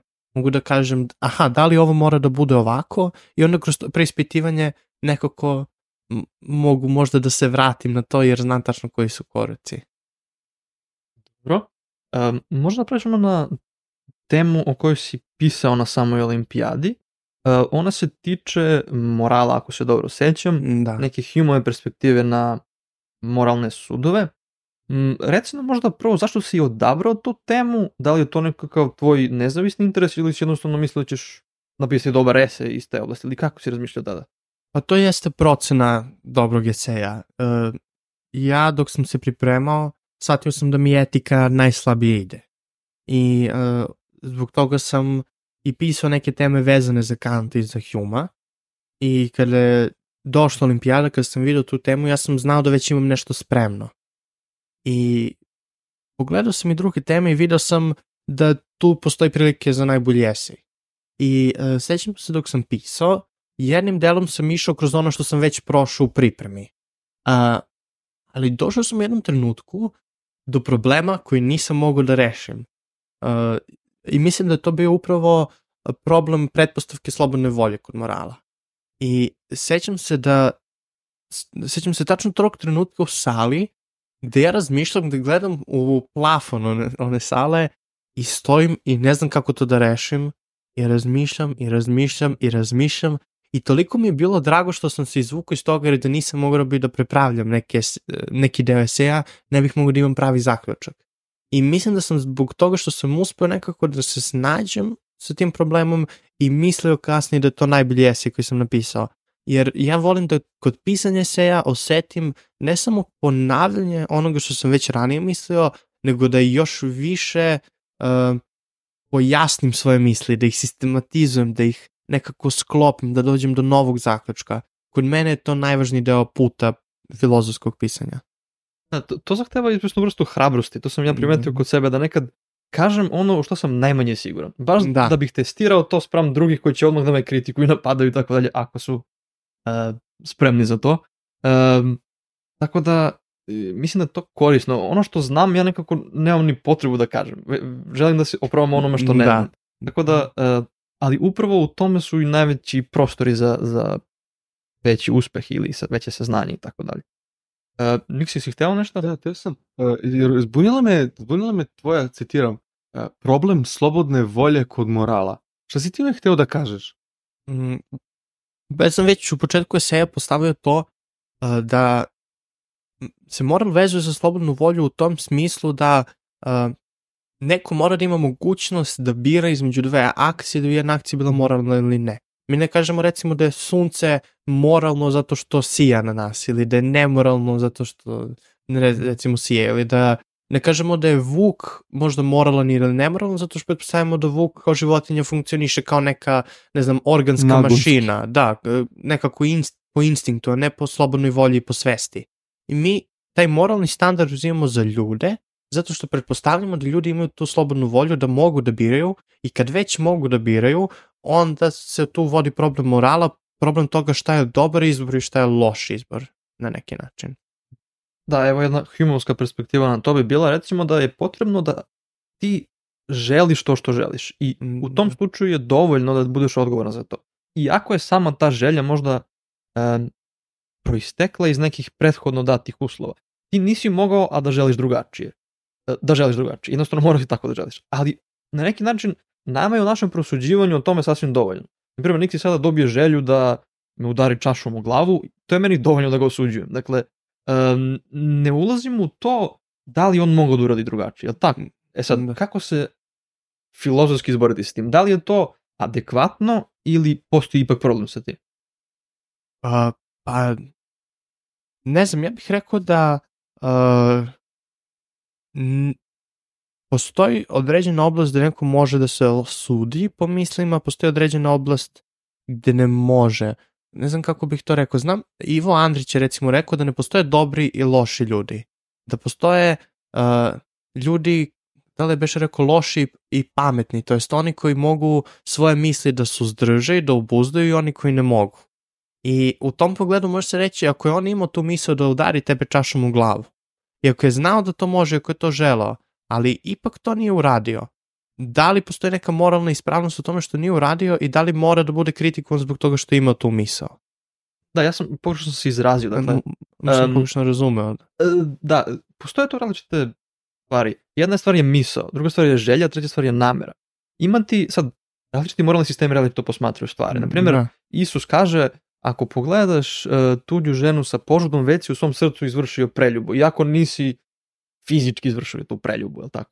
A, dok bi recimo neki jevreski moral rekao, pa ne, samo je ta fizička stvar zapravo prevara. Sve, sve te loše misli ili želje koje imamo su irelevantne. Ali ja sam zamislio situaciju u kojoj je ta želja bila dovoljna da on izvrši tu akt. Naprimjer, A. imao je tu nameru i uradio je to.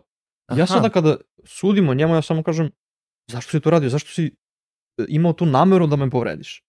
Ne ulazim u to da li on morao da ima tu nameru na, osnovi, na osnovu nekakvih e, psihofizičkih zakona ili bilo čega što je jednostavno nužno dovelo do toga. Mislim kao da moralna osuda već može da se javi na tom osnovnom nivou posjedovanja namere. Jel, jel ima više smisla sada?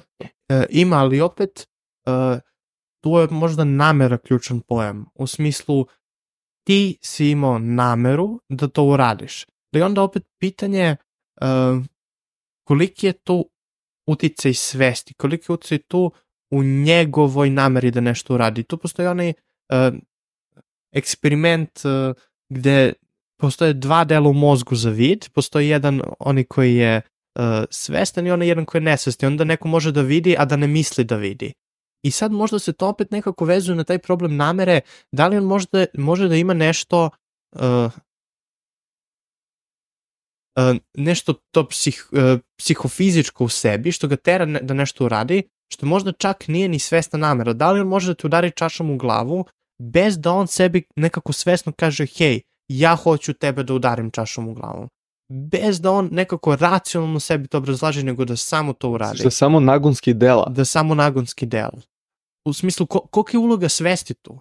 Koliko je uloga svesti u uh, obuzdavanju, u, tome da neko ima nameru, da nema nameru, da uradi nešto, da ne uradi nešto, a koliko je to psihofizička reakcija gde je svest samo uh, obaveštena o tome ili obrazlaže to, ne znam da li je to dobro termin. ljubavi, e, bože ljubavi, ako ljudi nisu svesni, nisu, sve, to se kažem ljudi, ne ljubavi.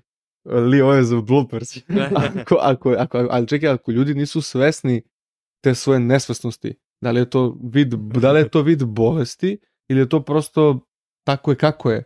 Mislim, šta hoću, kako se to, ja ne znam sad to možda najbolje da kažem, ali Da li ja onda s pravom sudim o nečijem moralnom karakteru, e, ako već nemam dovoljno informacije o tome da li je on bio pod uticajem nesvesnih ili svesnih faktora. upravo to. da, hteo sam da kažem, ja čini mi se sudim nezavisno od toga. To, to je bila neka moja poenta. Dakle, Mhm. nekako kao da me ne zanimaju te metafizičke uh, oblasti i te perspektive mm gledanja na tu stvar. Jednostavno, moje suđenje je nekako automatsko. Da. Ali ja bih tu video zapravo problem u sobstvenom suđenju, da zapravo nekakav filozofski odgovor bi bio da i moralno suđenje jeste e, i samo na neki način nametnuto. I da ako želimo da racionalno posmatramo stvari, moramo da uzmemo i te okolnosti u kojima nastaje nekakav čin. Zapravo iz te perspektive filozofi koji brane relevantnost moralne e, odgovornosti, odnosno slobodne volje radi moralne odgovornosti, posmatraju stvari. E, možda se vratimo na m, to kako uopšte glasi ta tema kojom si se bavio a, u svom eseju. Čime se ona najdirektnije bavi? Ne moraš možda da prepričaš sam citat, ali koja je neka teza ili poenta te tvrdnje? Ah, Ako se sećaš. Ako da se mi seća, Da, da. ne, uopšte ne Da, možemo da. u najoptim smislu. A- Bavi se nekakvom etikom, a, a tako. Jeste etika, jeste ćemo citat i upoređivanje uh, morala sa percepcijom. Toga se A- sećam jer sam to toliko ponavljao u nekim intervjuima. To je ono što Okej. mi je ostalo. I znam da sam se u, uh, bavio problemom, prvo sam se zapravo bavio problemom percepcije, a Mhm. onda sam tek uveo problem morala, problem slobodne volje i problem iluzije, u smislu da uh, postoji nešto što je perceptivna iluzija, gde se nama čini da vidimo nešto, a zapravo to nije tako. Ali u kom pogledu, da li postoji nešto što bi bilo paralelno tome kao moralna iluzija? Ako se moral upoređuje sa percepcijom, da li možemo da napravimo paralelu između te dve vrste iluzija? Ali onda opet moral se vezuje, uh, kako se to da kažem, moral se vezuje sa nečim racionalnim, sa razumom, sa promatranjem odluka, dok se uh, dok je percepcija nešto što samo eto dođe taj podatak se obradi i samo po, uh, naše uh, naša čulna sredstva, da, naša čulna Mhm. sredstva su ga pogrešno obradila. I uh, sećam se da je to bilo da je to bio neki skelet eseja i onda iz toga sam posle vezano za moral preispitivao taj pojam koliko je važna slobodna volja za moral i da li uopšte možemo da tek tako prihvatimo slobodnu volju kao postojeću. Znači ti si baš išao po kantu postupak, postupak, postupak, postupak, postupak, do, dolaženja do, do, do krajnje zamisli, do, do krajnjeg e, zaključka.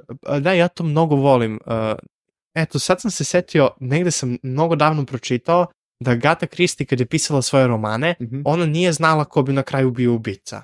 Nego ona kako bi pisala, ona bi... A, njoj bi došlo. njoj bi došlo, pa možda bi mogao da bude ovaj. I onda jedan deo romana piše kao da je on ubica, onda drugi deo kao da je neko drugi ubica. I da zbog toga ljudi koji to čitaju uh, ne mogu da pogode toliko, zato što ni ona sama nije znala u tom trenutku. Ona je sama bila uverena da je on ubica. I onda ja isto tako nekako pišem eseje. Ja um, idem po idejama korak po korak, korak po korak, ali ne znam gde ću da završim. I to mi nekad predstavlja problem, kao na međunarodnoj olimpijadi. Ja možda bih došao do trenutka gde bih morao sve da menjam, ali na svu sreću nisam došao do tog trenutka. Da, Kao veliki fan Agate Kristi, ovo mi stvarno nevjerovatno. Nisam, nisam čuo za tu uh, činjenicu, ali je dosta zanimljiva i ima smisla uh, kada se razmišljam o tome šta sam čitao. Um, možda da- još samo jedna stvar u vezi sa tom temom. Čini mi se da si uh, tematizovao pojam subjektivnosti i objektivnosti u domenu morala. Da, jesam, sećam se Kako, toga. kako si razumeo te pojmove? To je ono što mene sada zanima. Uh, razumeo sam s, uh, kako sam to beše uh, razumeo sam objektivno kao nešto što uh, možda ne zahteva nešto drugo na neki način, što je već samo po sebi dato, nešto što je tako, što nema zavisnost od nečega, što nema zavisnost od toga uh, kako se to da kažem možda je najbolje da uvedem još jedan termin koji ja lično volim da koristim. Subjektivnost, objektivnost, ali i proširena subjektivnost. Proširena subjektivnost u smislu ne nešto što zavisi samo od mene kao od individue, nego nešto što zavisi od skupa individua ili od celog ljudskog roda. I mi nekad mešamo proširenu subjektivnost sa objektivnošću. Postoje neke stvari koje mi svi kao ljudski rod podrazumevamo i uzimamo zdravo za gotovo kao što je ideja morala. To ne znači da je moral objektivan, da je on svetu dat bez postojanja ljudskog roda, nego može da bude samo tako prošireno subjektivan. Ja to volim tako da nazovem. na- Sigurno postoji stručni termin za to. Pa nek se zove intersubjektivnost, kada se jednostavno više subjekata slaže povodom nečega. I to onda liči na objektivnost, kao što recimo kažemo zemlja kruži oko sunca i nebitno je da li mi mislimo da je zemlja zapravo ravna ploča ili bilo šta od toga, a to je jednostavno objektivna činjenica. U slučaju morala možda nemamo tu vrstu istine, ali imamo nekakvo međusobno razumevanje Da, i shvatanje. I slaganje. I slaganje. slaganje Sad šta toga. je tu onda zanimljivo? Da li to važi za svaki period u istoriji? Naprimjer, u vreme antičke Grčke postojalo nekakvo opšte slaganje o tome da je moralno prihvatljivo, ako ne i dobro, imati roba, na primjer. Što mi danas smatramo Da. nije tako. Ali po toj definiciji, e, tada je to bilo moralno. Dakle, ako je jednostavno to intersubjektivno slaganje dovoljno da se taj sistem nazove moralnim, onda imamo problem, jer mi smatramo da to ne samo da nije bilo, to, to jednostavno nije bilo moralno. Tačka. Nije kao, nije sada, tada je bilo, nego jednostavno mislim da to nije bilo ispravno, tako? Da. Kako onda rešiti taj problem? To je ono što je zanimljivo. Ja, ja mislim da moral ima još jedan problem sa u samoj definiciji, pošto moral su definisali ljudi, odnosno društvo Da. u kome mi živimo, definiše moral datog društva. I onda samim tim, pošto se društva menjaju kroz povest, imaš, ne znam, te ovo, te ovo, te ovo, te ovo, samim tim logično je da moral, par ja mislim u antičkoj Grčkoj se kosi sa moralom u aboriđinskom društvu, jer su potpuno drugačije norme, odnosno osnove na kojima društvo leži. Stoji, izvinjam se, stoji. Dakle, ti uvek misliš da moramo kvalifikovati, da kažemo, e, neki antički grh Mhm. nije pogrešio objektivno govoreći kada je mučio svog roba. To je malo kontroverzna teza, razumeš? misliš? A, dobro, Nije dobro, kao da dobro. mi... Moral Aha. ima tu neku apsolutističku E, notu. Ja mislim, mislim da je kod morala najveći problem taj što ga svako gleda iz svog ugla, odnosno iz, iz, iz ugla društva u kome je, u kome je sazro. Jer za antičkog Grka je to potpuno ispravno, ali za Srbinu u 21. veku je to potpuno neispravno. Zato što mi smo, mi smo, naše društvo nije koncipirano na ropstvu. A da li će možda za 200-300 godina da se moralno suđuje to što mi koristimo vešku inteligenciju u ja smislu mislim, toga da... ja, ja, mislim, ja mislim da hoće zapravo. Zato, ali ne možda nužno moralno koliko, brate, mrdni dupetom. Ba, ne znam, mi, čini mi To se je bila osuda ljudi više. da možda a, robovi nisu tretirani na istoj razini kao ljudi. Robovi na neki način nisu oruđa koje govore. E sad nama nekako veštačka inteligencija biva oruđe koje govori. Da li ćemo za 200-300 godina njoj da pridemo određena prava i da li ćemo mi biti zli što je ne poštujemo. Ali imaće svoje zamenice. Ja, svoje zam... ja znam, a, moj otac recimo, on dosta koristi Ako je tipo. Je toliko komplikovano, znam da jeste. Tvoj otac, E, tvoj da. otac koristi. Moj, moj otac dosta koristi ChatGPT, on kad priča sa njim, on uvek kaže hvala, izvini, uh, hvala što si uradio ovo i ovo, da li bi sada mogo i ovo i ovo. Znači ima taj nivo recimo poštovanja prema tome. Da li će kroz neko vreme to da bude tretirano kao moralno, a ovo što drugi ljudi rade, kad samo kažu uradi mi ovo i ovo, nisi to uradio dobro, da li će to da bude nemoralno? Aha. Mislim, is, možda iz tog okvira, mo- Mhm. to mi sada pada na pamet, Mhm. jer stvarno e, morali, moral društva se menja kako vreme prolazi. Mm, Um, ono što se uzima kao moralno ili kao nemoralno. Ali i u jednom vremenu različita društva imaju različite kulture i različite morale. mhm. E, Nietzsche recimo to kritikuje u smislu da da bi imao različita društva, moraš da imaš različite kulture i različite morale, da bi po Logično. nečemu mogli da se razgraniče. Ali Mhm. onda...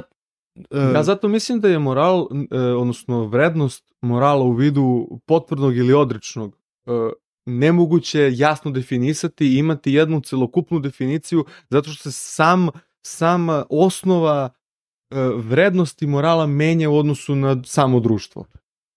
To su sve činjenice o tome kako istorija funkcioniše, možemo tako da kažemo. Ali pomalo je opasno imati taj stav da je ipak Mm, da. robovlasništvo bilo okej.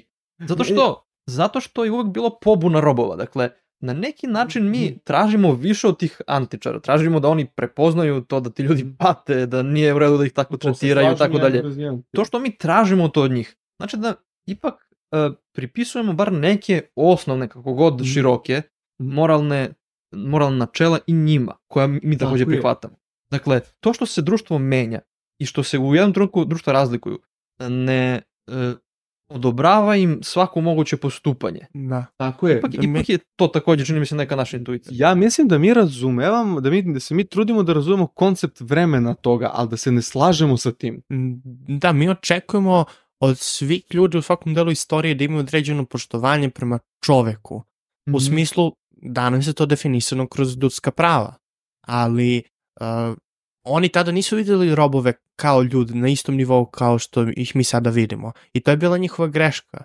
Da oni, mislim, greška, sad mi to kažemo iz ovog ugla, Da. ali hoću reći, e, bar to poštovanje prema čoveku očekujemo svugde. Ja skoro sam čuo na času srpskog, e, pr- moja profesorka je pomenula kako nacisti su počinjali strašno zločinstvo i tako dalje, pa recimo u Poljskoj neka cela sela su eliminisali, ubijali i decu i roditelji i tako dalje. I onda jedno na nekom suđenju kad su pisali, pitali nacističkog oficira zašto je ubio decu, on je rekao pa neću, zašto bih ih ostavio u životu kad nemaju roditelje, to je bio užasan život, ja ih spasavam tog užasnog života. Uf, jebem ti eutanaziju. Da, uh, to je, to je jako duboka, teška i kompleksna tema. Da. Da. Svi možemo da se slo, složimo sa Mhm. tim. A tako da, ali evo, ovo je uh, jedan podcast u kojem je u nekoliko momenta bilo nekoliko časova filozofije različitih, o različitim temama. Iz ugla lajka, iz ugla ne lajka. Pa u nekom trenutku smo svi laici, Da. naravno, uh, i, i na svima nama je da dosta od toga, dosta napredujemo da bismo bolje razumeli ove pojmove. Tako da, a, to je očigledno. Uh, ali pošto smo pričali već jako dugo, možda da privodimo kraju i da nam kažeš za kraj nešto o svom ljubavi prema, svojoj ljubavi prema futbalu, uh, kakav je tvoj odnos prema tom sportu, da li se time baviš i tako dalje. ne bavim se profesionalno, ali igram naravno rekreativno sa prijateljima i divim se tom sportu da, da, da li mogu nešto da izdvojim kod njega što nije isto u ostalim sportovima, možda do nekle i da, ali mislim da je ključ mojeg ljubava, moje ljubavi prema futbolu jednim delom i navika, što kroz, od malena sam igrao futbal, ali s druge strane i do nekih određenih stvari u futbolu. Naprimer, tim. To što postoji tim, što postoji timski rad, to je prva stvar. Druga stvar je geometrijska lepota futbola. Sve u futbolu je u samoj tehnici igrača, u kretanju, u tome da bude na pravom mestu, u pravo vreme i da iskoristi prostor na najbolji mogući način. Nije isto ako neko bude na jednom ili na drugom. Mhm. Odmah u početku kad deca igraju futbal i kad svi trče za loptu, isto je tako i na košarci recimo. Odmah im je rečeno nemojte svi da trčite za loptu, nego se rasporedite lepo po terenu. Mhm. I to, to nekako postoji u tim osnovim futbala nešto geometrijski predivno. A, postoji taj izuzetan nivo koncentracije i predviđanja kretanja svih tih figura na terenu. I ja mnogo volim recimo ponekad da odem na YouTube da ukucam, ne znam, 50 najlepših asistencija Mhm. i da onda vidim taj jedan trenutak gde igrač uvideo da će kretanje igrača da bude na određeni način, da on ako pusti loptu po ovoj liniji, a ne po onoj drugoj, da će tačno taj igrač da dobije prostor koji će moći da iskoristi. I to je ono što volim kod Mm. futbola. Pa lepota, lepota, lepota tog sporta je što postoji mi i u tom mi postoji ja. I ti ne Da. možeš da budeš iznad tog mi, a s druge strane mora da imaš to svoje ja kako bi uopšte mogu da funkcionišeš u tom timu. A je ono što je lepota isto što je što se što je došlo do, do tog stepena razvitka da postoje različite zamisli igranja same igre. I onda ti možeš i u tome da uživaš, da se, da se Da. zapravo ta, ta svest poimanja futbala danas toliko razvila da postoji, ne znam, napadački, odbrambeni, ovakav, onakav, bla, bla, bla, i možemo da dođemo do toga da zapravo mnogo može da, ako si kreativan, može da ti pospeši i razmišljanje, jer imaš, kao što ti malo pre pričao, dodavanje, go- golovi, odbrana i tako dalje. Da, ja volim futbol Mhm. kao jednim delom i kao vežbu. Prvo za koncentraciju, zato što je potrebna izuzetna koncentracija tokom čitavog meča, jer neka mala greška može da dosta košta, pogotovo što ja volim da budem golman. I kod golmana je dosta teško ako je vaša ekipa dobra, Da. jer onda ništa se ne dešava, samo u jednom delu utakmice protivnički napad. I vi morate da držite koncentraciju na tom nivou da kada dođe taj protivnički napad, zbog toga što pre, pre toga nije bilo ničega, da ipak mozak bude dovoljno spreman za to.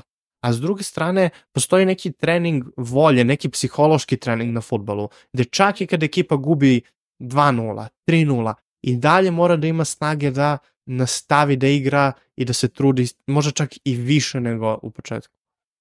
Ok, i za sam kraj, a u vezi sa tim, Messi ili Ronaldo? pa ja nisam neko ko je mnogo volio da bira ni timove, ni Mhm. igrače. Meni je, uh, možda tako, kad me neko pita za kog navijaš, Mhm. recimo u ovom derbiju i onom derbiju, za lep futbal. Aha, Nekako nek igraju jedni i drugi najbolje što mogu, možda u tom rivalitetu aha. ključ. Čekaj, znači ako te pitam sada, na primjer, Mada kan... Messi. Da, znači ako ti Zbog, ja, vo, sve voli, okej, to. voli Mesija zbog ličnosti, nekako Ronaldo mi je previše onako, Ali nadobudan. asistencija. Nekad su asistencije i bolje od golova u njegovom slučaju. da- asistenciji, driblinci, Mhm. kretanje, to je, ta, ta Barcelona je Čekaj, Kant ili Descartes ili dobro filozofiranje? Dobro, filozofiranje je ključ sad. Aha. Mm, To je, rivaliteti podstiču ponekad. Dobro, Dimitrije, hvala ti puno, ovo je bilo jako zanimljivo, nadam se i inspirativno našim slušalcima i gledalcima, nama je svakako bilo upravo tako, Uh, nadam se da se vidimo nekom drugom prilikom Nadam se i ja, E, hvala. i hvala ti još jednom na gostovanju. Hvala. Hvala puno i do narednog slušanja i gledanja. Pozdrav. Ćao.